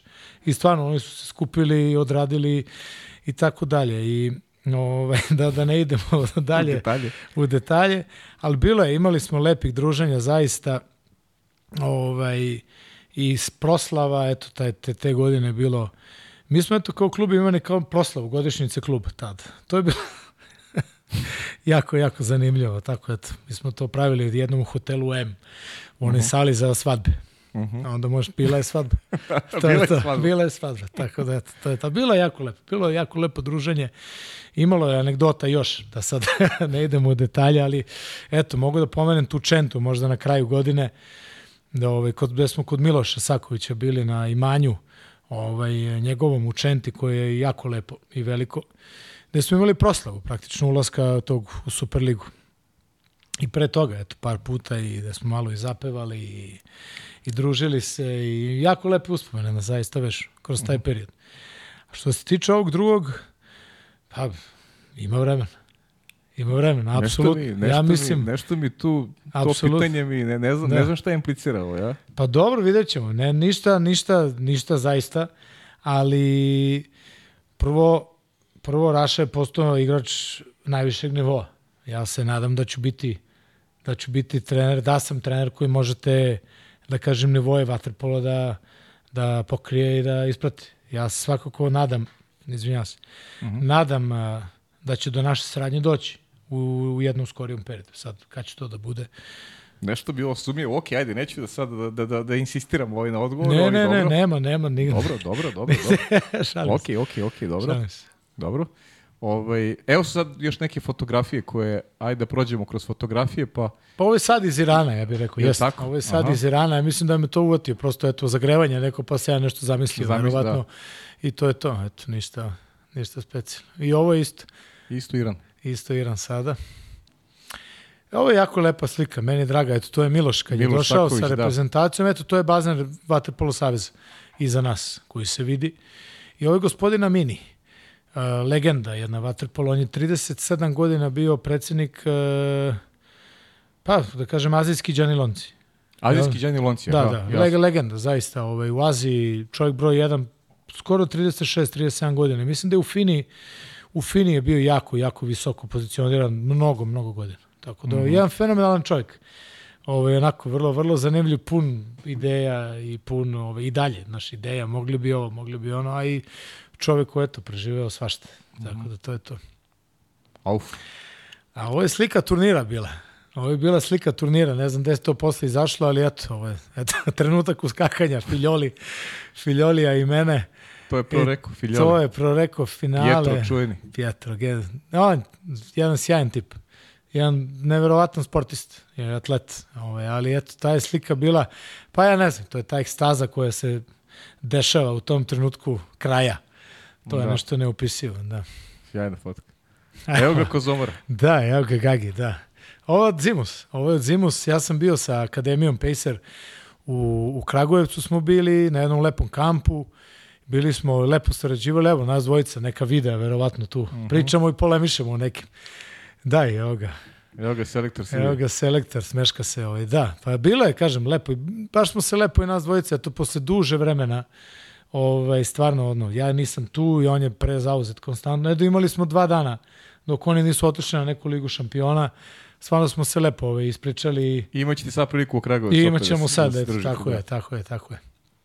A evo, to je, to je Akademija Pacer, ovaj, to smo sada skoro, od pre dva meseca u junu na Haba Vaba. Mhm. To je ovaj turnir u Linjanu, koji je jako lep, eto, ukratko, to su dve ekipe, skoro 40 klidaca. Tako da, eto, ja, jako, jako zanimljivo. To je to. Sjajno. A ovo je, da, ovo je bukvalno tri meseca nakon naših odlazaka iz Singidunuma. Oni su obojica pošli u Zvezdu, ja sam pošao u Pro Reku i sreli smo se u Hanoveru na kvalifikacijama za Ligu šampiona. Oni su došli sa Zvezdom, Deki je bio Deki trener Zvezde. jeste. Oni su bili, eto, tek prešli u Zvezdu i ovo mi je stvarno jedna od najdržih slika. Jel, eto, to je početak nekog i mog jako ozbiljnog, mislim ozbiljnog, na nekom najozbiljnijem nivou vaterpola, a i početak njihovog jednog, da kažem, novog vaterpola van mene. viši nivo, da. van mene, to je to. A ovo smo nas dvojica, ja mislim 2017. na Tajvanu. Uh -huh. Ovo je bila univerzijada, ja sam bio, ovaj, Savez me je poslao da, da gledam, e, ne mogu se setiti zbog čega, ali smo bili zajedno i eto, mnogo mi je bilo drago da ga vidimo u reprezentaciji Srbije tada već. To je bila u suštini reprezentacija koja igra danas. To je bilo jako lepo. Pa, Većina da. njih igra danas. Da kažem, možda mm, dva, tri igrača sada fale da nisu tu. A znam da je bio i Strahinja, i Sava, i Jakšić, i, i Manda, i on. I mislim da čak bio i, eš, ko je, da li su Lazić i Vicu bili, ne se, ali dosta, dosta, stvarno dosta igrača koji danas igraju su bili na toj univerzijadi. To je bilo eto sjajno projektovanje. Ne, ne, ne, ne, ovo bez, ovo vidimo. Nećemo to da, to, to će naknadno okay. da. Dobro, a, kaži mi jedan deo Žile Gotić, rekao si ovaj, odrasli ste zajedno, krenuli ste, krenuli ste na vaterpolu, a ko je koga poveo u muzičku školu? pa mislim da je to nekako spontano išlo. Ovaj, e, krenulo zajedno. Sad stvarno ne mogu se setim, ali ja mislim da je čak i on išao tu. E, ako, se, ako se dobro sećam, Stanislav Benički uh mhm. -huh. na, na, na Senjaku. I ovaj, Žile je svirao gitaru, o bože gitaru, harmoniku. harmoniku. Ja sam svirao klavir, čak smo se mi, eto, ko klinci to, znaš, zanosili, sedali zajedno, posvirali zajedno, nešto ovaj, radili, ali bilo, bilo, ovaj, za muzičku školu, da, eto, taj period smo išli zajedno, posle ja nešto malo to i guro, neka ta treća, četvrta godina, ali posle stvarno više nije bilo vremena, jer klavir je, žao mi je što nisam nastavio, ovaj, izuzetno volim muziku, i ozbiljnu muziku, ajde, to sam uz oca naučio. Ovaj, lepotu ozbiljne muzike. Zaista, mislim da ovaj, to je taj, taj, da kažem, ajde da kažem melos, ali taj, taj zvuk koji dolazi iz tih orkestarskih ovaj, ovaj, izvedbi je nešto, nešto nestvarno. Kažem, ono magično što je. Kažem, potpuno se izgubiš u to nekom svetu. Ali, što se tiče muzičke škole, ovaj, da, eto, to je jedan isto deo koji nas veže. Mm -hmm. Tako. I, Igor Lazić ima pitanje, kaže, da li, si, da li ti je žao što si ovaj, muzičku karijeru prekinuo zbog vaterpola? pa nije, nije, iskreno nije. Ovaj, mm -hmm. Mislim, ok, postoji uvek ono kao šta bi bilo kad bi bilo, znaš, ali nisam, probao sam to, zaista, eto. Ovaj, tih nekih godinu dana, najlepši deo iz muzičke karijere što sam upoznao svoju ženu. Eto, tako si upoznao Gagu. Tako je upoznao Gagu. Tako da, ovaj, kako sam upoznao Gagu, Ben se raspo. ovaj, to je to, to je to, ukratko bilo. Ali bilo je lepo, mislim, ti godina, ali je naporno. Je, naš, Do, povezati. ti si pevu u bendu, tako? Jeste, jeste. Bio je sa očeve strane, brat i sestra od strica, Ove, ovaj, oni su muzičari profesionalni dan danas. I tako, ko klinci smo mi uvek o tome maštali. Krenuli i krenuli smo da sviramo. To je bilo lepo. Znači, ono, slavlja od prijatelja, tada već i neka venčanja i ispraćaju vojske i rođendani i neki klubovi, to je išlo ok, međutim to je postalo naporno u jednom trenutku jer ja sam i dalje tada igrao.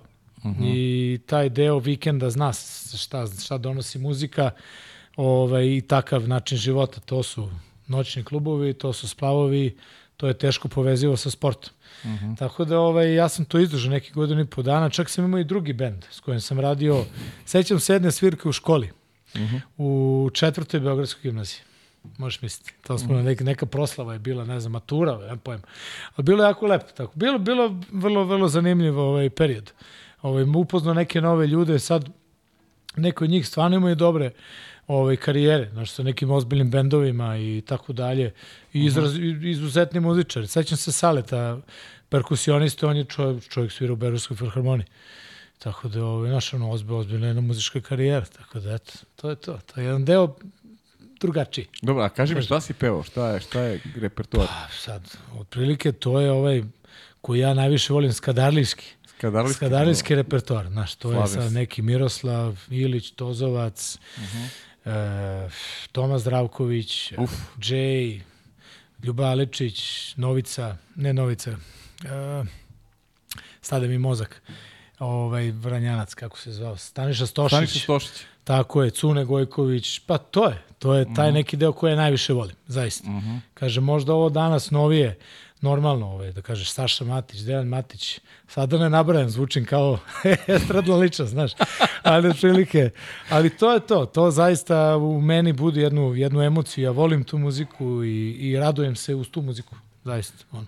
Pa dobro, da ti kažem, e sad da zamislimo da je kareni stolnjak ovde i da ovde u našim čašama je, ne znam, neko vino, neka rakija i Da. sad ja izvodim neku ovaj, hiljadarku i naručim nekog Ja, Tomu- sad me stavljaš. Tomu Zdravković ili Tozuca, ne znam, recimo, a? Da. E, Ili ti kaže nešto po tom izboru. ajde da bude po mom izboru, ali to mi je trenutno u glavi. Sad si me zbunio Ajde. pa potpuno, Ajde. potpuno neočekivano. Ali ajde ovako, čekaj prvo ono, Ajde, da ga ajde, iskusno, ajde, jel? pa normalno. da podmažem grlo. Pa kaže, ljubio sam usne sa kojih med kaplje i sanjive oči gde se čežnja krije. Slušao sam brezu dok jablanu šapće, proći će nam život, zar ti žao nije? Eto, ukratko. Bravo, Miloše, bravo. Morat ćemo tu skadarliju. A? Vidi, to je eto, to je eto i Raša kad je spomenuo baš anegdote, eto, mi smo baš tu pesmu jako često pevali. Tako? Zajedno, da. To je. I on me čak zvao par puta da me probudi u Singapuru uz ovu pesmu. Tako da eto, meni je ovo jedna od omiljenijih pesama, tako da eto, to je. U, Uf. ukratko, ukratko. Uf, Eto, bit će prilike, nadamo se. biće prilike, nadam se da hoće. Pa ne, mislim, samo mogu ti kažem, ovaj, jedan, jedan, moj, jedan moj prijatelj je ovaj, svoje vremeno ovaj, eh, otkrio, otkrio Stanišu Stošića, znaš. otkrio, Da, otkrio. otkrio, To da. je to, to je to. Sjajno. A kaži mi, ovaj, ne žališ danas ovaj, što možda nije ono što kaže Igor, što je možda ovaj, nije Pa krenulo iskreno nešto, a? ne, iskreno a? ne, jer... e, U, u krajnjem slučaju ne bi Da. bila gaga. Ne bi bilo gage, tako Da. je. Ne bi bilo gage, ne bi bilo svega ovoga, ne bi bilo eto i nas da pričamo sada ne, zajedno. Ne bi sigurno. Ovaj, jer e, nije, probao sam, zaista, Mhm. probao sam i meni se to nije svidelo. Znaš, to je opet i tenzija. Drugo, znaš, kod nas je, znaš, noćni klubovi su noćni klubovi. Znaš, tu je, uvijek je, tu je nekad i okej, ali nekad i nije okej. Tako da jednom nije bilo okej i meni je to bilo dovoljno da shvatim da meni to, mislim, nije ništa se nije desilo, znaš, ali kad vidiš neš, neke stvari ispred sebe da se dese, kaže, meni ovo nije, nije privlačno i ja sam to probao, ja sam to odradio godinu dana. Tako da mogu da kažem da sam čisto, načisto ovaj, pri tome, da, da ne želim ni najmanje. Čak, čak, čak, čak naprotiv. Čak Ja, naprotiv. Miloš Saković kaže, deki trepni dva puta ako te je gaga otela. dobro, dobro, dobro, neću da trepćem, ajde, to je moj prijatelj, ovaj, sarkastični, dragi, kao i uvijek, kao i uvijek. Dobro, pitate uh, s, uh, šta vas je najviše oduševilo u iranskoj reprezentaciji? Je, oduševila me jedna srčanost njihova, jedna sjajna.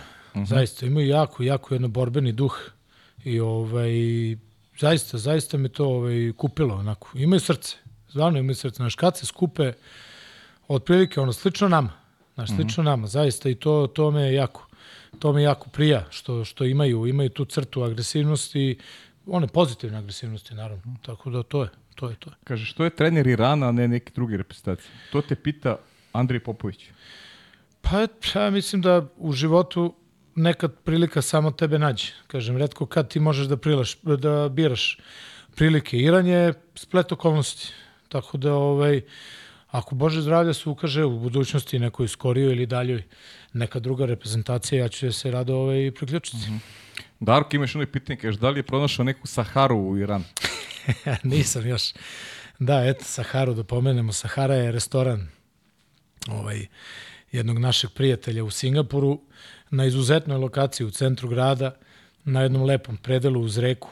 Ovaj, to je naš Esad ovaj, iz Novog pazara Je tako? koji drži kafanu već 20 godina. I to je jedan tranzit za sve naše ljude. Znači, tu je neverovatno stvarno koga sam ja sve upoznao i koje konekcije sam sa drugim ljudima uspostavio.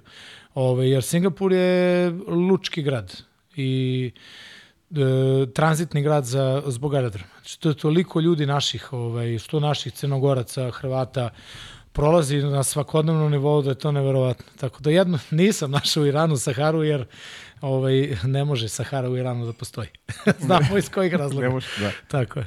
Tako A kaži mi još, još tri stvari. Da li si imao u reku ovaj, te nastupe ovaj, muzičke, Igor, Igor sa gitarom, ti pevanje, niste ovaj, probali to, ne? A? Nismo, nismo. Ne, a? Nije nismo. bilo. Probali smo van, probali smo posle. Je tako? O, A? pa da, van, ali tu, tu, tu nismo. Tu vi nismo. ste tu skladni, imate taj, Pa taj to, to, to. muzički opus. Da, da, jasno, jasno. Da. Kaži mi, kako gledaš na, na Fukoku i pošto je to Uroš je selektor, kako si ti doživeo ovo, ovo što je, ovaj, ovaj tranzit koji se ovaj, dešava trenutno u srpskom vatopolu, taj nova generacija je momke koji ti manje više i poznaješ. Kako si ti doživeo rezultat u Fukoki? Pa da budem iskreni, kao i ja da sam bio deo njih, nekako tenzija, ono, znaš, očekuješ, svi znamo koliko je bilo važno da, da, da naprave dobar rezultat. Sad znamo svi da je cilj bio e, kvalifikacije sada, ali Bože zdravlje, to ću raditi na prvom sledećem takmičenju. Ali ovaj, stvarno ovaj, sam im želeo od sveg srca da, pogotovo i zbog i Uroša, kojeg znam eto, ceo svoj život, maltene, i zbog igrača, eto, zbog Raše pre svega koji, eto, ja sam, ono, deo, deo, deo mene je uz, uz njega. Ovaj, sam želeo da, da naprave dobar uspeh i nažalost, eto, u Americi im nije išlo sve po planu i, i delovalo je kao da ljudi nisu verovali previše da, da oni mogu, ali mislim da je nov tim sa eto, nedostatkom nekih igrača svakako ovaj, napravio jedan dobar rezultat u smislu uh, da su bili četiri na svetu. Nije to svakako, znamo da u našim standardima je to uvek neka medalja, jel? Mm -hmm. Ali ja mislim da za ekipu koja je nova, da je dosta momaka prvi put igralo ovaj svetsko prvenstvo i izašlo na tako veliku scenu, da mislim da ih nije bio mali broj, ovaj, dobilo priliku da igra te, te, te, te minute, ovaj, koje verovatno do tada nisu ovaj, imali priliku da igraju, da je sjajno i za nas, za naš vaterpolo da, eto, posle godinu i po dana gde smo malo uh, nismo bili u, u prvom planu, da smo se vratili u taj neki vrh rezultatski. Mm -hmm. Rezultatski pre svega. I nadam se i želim im da na prvom, šta je evropsko prvenstvo? Evropsko januaru, da. Evropsko i Doha i kasnije Pariz, znači pričamo narednih 7-8 meseci da ja im želim da nas se svakog vrata sa medaljom oko vrata, zaista, mm -hmm. od srca. Deki, rekao si mi 2025. svetsko prvenstvo Jeste, svetsko prvenstvo u Singapuru. u Singapuru. Eto, ja vidim da sam s nekim ljudima pričao i da nisu znali. Singapur Ja je dobio... ti kažem, nisam znao. Da, Singapur je zvanično dobio zamenu za, ja mislim, Kazan. Za Kazan, da. I oni su dobili pre dva meseca, bila je promocija i mislim da će to da bude zaista sjajno i za Waterpolo i tamo, a i za Waterpolo generalno, jer oni su se već dali u, u realizaciju plana i programa. Uh -huh. uh, Waterpolo turnir će se igrati u sportskoj školi, koja je malo van grada, mislim sad kad kažem van grada, na obodu Singapura, pošto Singapur je država da, grad, država, jel? tako je. Ali to je sportska gimnazija praktično, koja ima uslove, ima dva olimpijska bazena, sportska škola. Uh -huh. Tako da eto, to, to, toliko o tome, ali tu će se igrati vaterpolo preliminarna faza. Plivanje e, će biti na futbolskom stadionu. Ko je bio u Singapuru znao o čemu pričam, to je najmoderniji stadion. Evo sad su igrali pre neki dan Liverpool i ja mislim Liverpool i Arsenal na tom stadionu, tu će se igrati vaterpolo, polufinale i finale. Sa kapacitetom od nekih 3-4 hiljada ljudi. Tako da mislim da će super. zaista da bude jedan spektakl i da, eto, jedna zanimljiva stvar, da će vaterpolo da se desi u Singapuru na tom najvišem nivou. Da. Sjajno, sjajno. Eto, eto još jedne ovaj još jedan bitan preduslov se tu pravi da se Da. susretnemo u Singapuru. Jest, tako je, tako je. Ništa, deki, ajde za kraj ono što volimo da ostavimo porodica, neki temelj ovaj, Pa svakako, svakog ja kažem, čoveka, da. ja pre svega u mojoj supruzi Dragani Gagi, mm. ovaj, imam jednu veliku podršku u svemu što radim, ovaj, gde je ona od početka uz mene, praktično moje trenerske karijere i shvatala je sva ta putovanja i nedo, izostanke od kuće i tako dalje, tako dalje, pogotovo dok smo bili ovde u Srbiji, znači celo leto nisi tu, jer si s nekom reprezentacijom, mm -hmm. pa se ne vidiš pa dva, tri meseca i onda kad je došlo to inostranstvo. Tako da zaista ta podrška njena mi znači mnogo, mnogo. Opet porodica, pokojni otac, majka, sestra i šira familija, mm. zaista ono, svi, svi prate i svi se stalno, ono, da kažem, tu su kao deo, pokojni otac, najveći savetodavac, svakako, nažalost, eto više ga nema, ovaj, s kojim sam uvek imao te razgovore mudrosti. Mm -hmm. Prilike, uvek moraš da si, sećam se toga, uvek moraš da imaš spremnu strategiju, da reaguješ i tako dalje. Tako da, eto, to zaista, mislim da da i nadam se eto u budućnosti da će moja i Dragana porodica se proširi uh Mhm. -huh. ovaj, u, u nekoj najskorijoj budu, bu, bu, ovaj, Budućnosti. budućnosti i tako da eto to je. To je to. A opet porodica, ja smatram i porodicu deo toga kad si u inostranstvu imaš te neke ljude koji postaju deo tvog života. Ja u, Su- u Singapuru imam deo svoje porodice. To su moji prijatelji Žile, Zeka i Sale i još neki eto s kojima provodim slobodno vreme i oni su stvarno deo deo, deo mene, deo mog privatnog vremena tamo i smatram sebe, smatram njih kao deo, mali deo svoje porodice. I oni su mi isto velika podrška, zaista. Oni nisu iz sporta, na primjer, su ljudi svi genijalci u IT, u financijama i tako dalje, ali sjajni ljudi i to je to. Deki, volim za kraj ovaj da pitam da li ima nešto što nisam pitao, ti bih hteo da Nema zaista, dodaš, ne, a? nema zaista, mislim da smo jako uh, lepo temelji. se ispričali Da. i zaista hvala još jednom na pozivu, bilo je, bilo je zadovoljstvo. Meni Zaista. baš bilo zadovoljstvo, uživao sam, ovaj, prošlo mi je ovako vreme, što se kaže, i, Sjajno. i nadam se da ću imati neku priliku ovaj, u skorije vreme, da ti se desiti u karijeri ovaj, opet nešto lepo, da ćeš birati neke destinacije koji tebi odgovaraju i ono što bi bilo najbolje da se jednog dana vratiš u srpski vaterpol, ovako, to ti, to ti, Hvala na onako, i, to ti iskreno želim, da. Hvala na tome i naravno privatno Ja da se nadam. ostvare svi planovi koje imaš. Hvala ti najlepše, zaista. Ovaj, I tebi takođe ovaj, želim, želim puno uspeha u daljem radu. Ako ne zbog Waterpola, eto, srećemo se zbog Formula 1. to, je, to je to. To je to. Ništa, dragi ljudi, ovo je bio Deki Milaković. Nadam se da ste uživali. Mi u našoj kuhinji spremamo nešto svašta u narednih meseci. Biće tu interesantni gosti, tako da ostanite uz podcast pod kapicom i uživajte. Hvala na pažnji.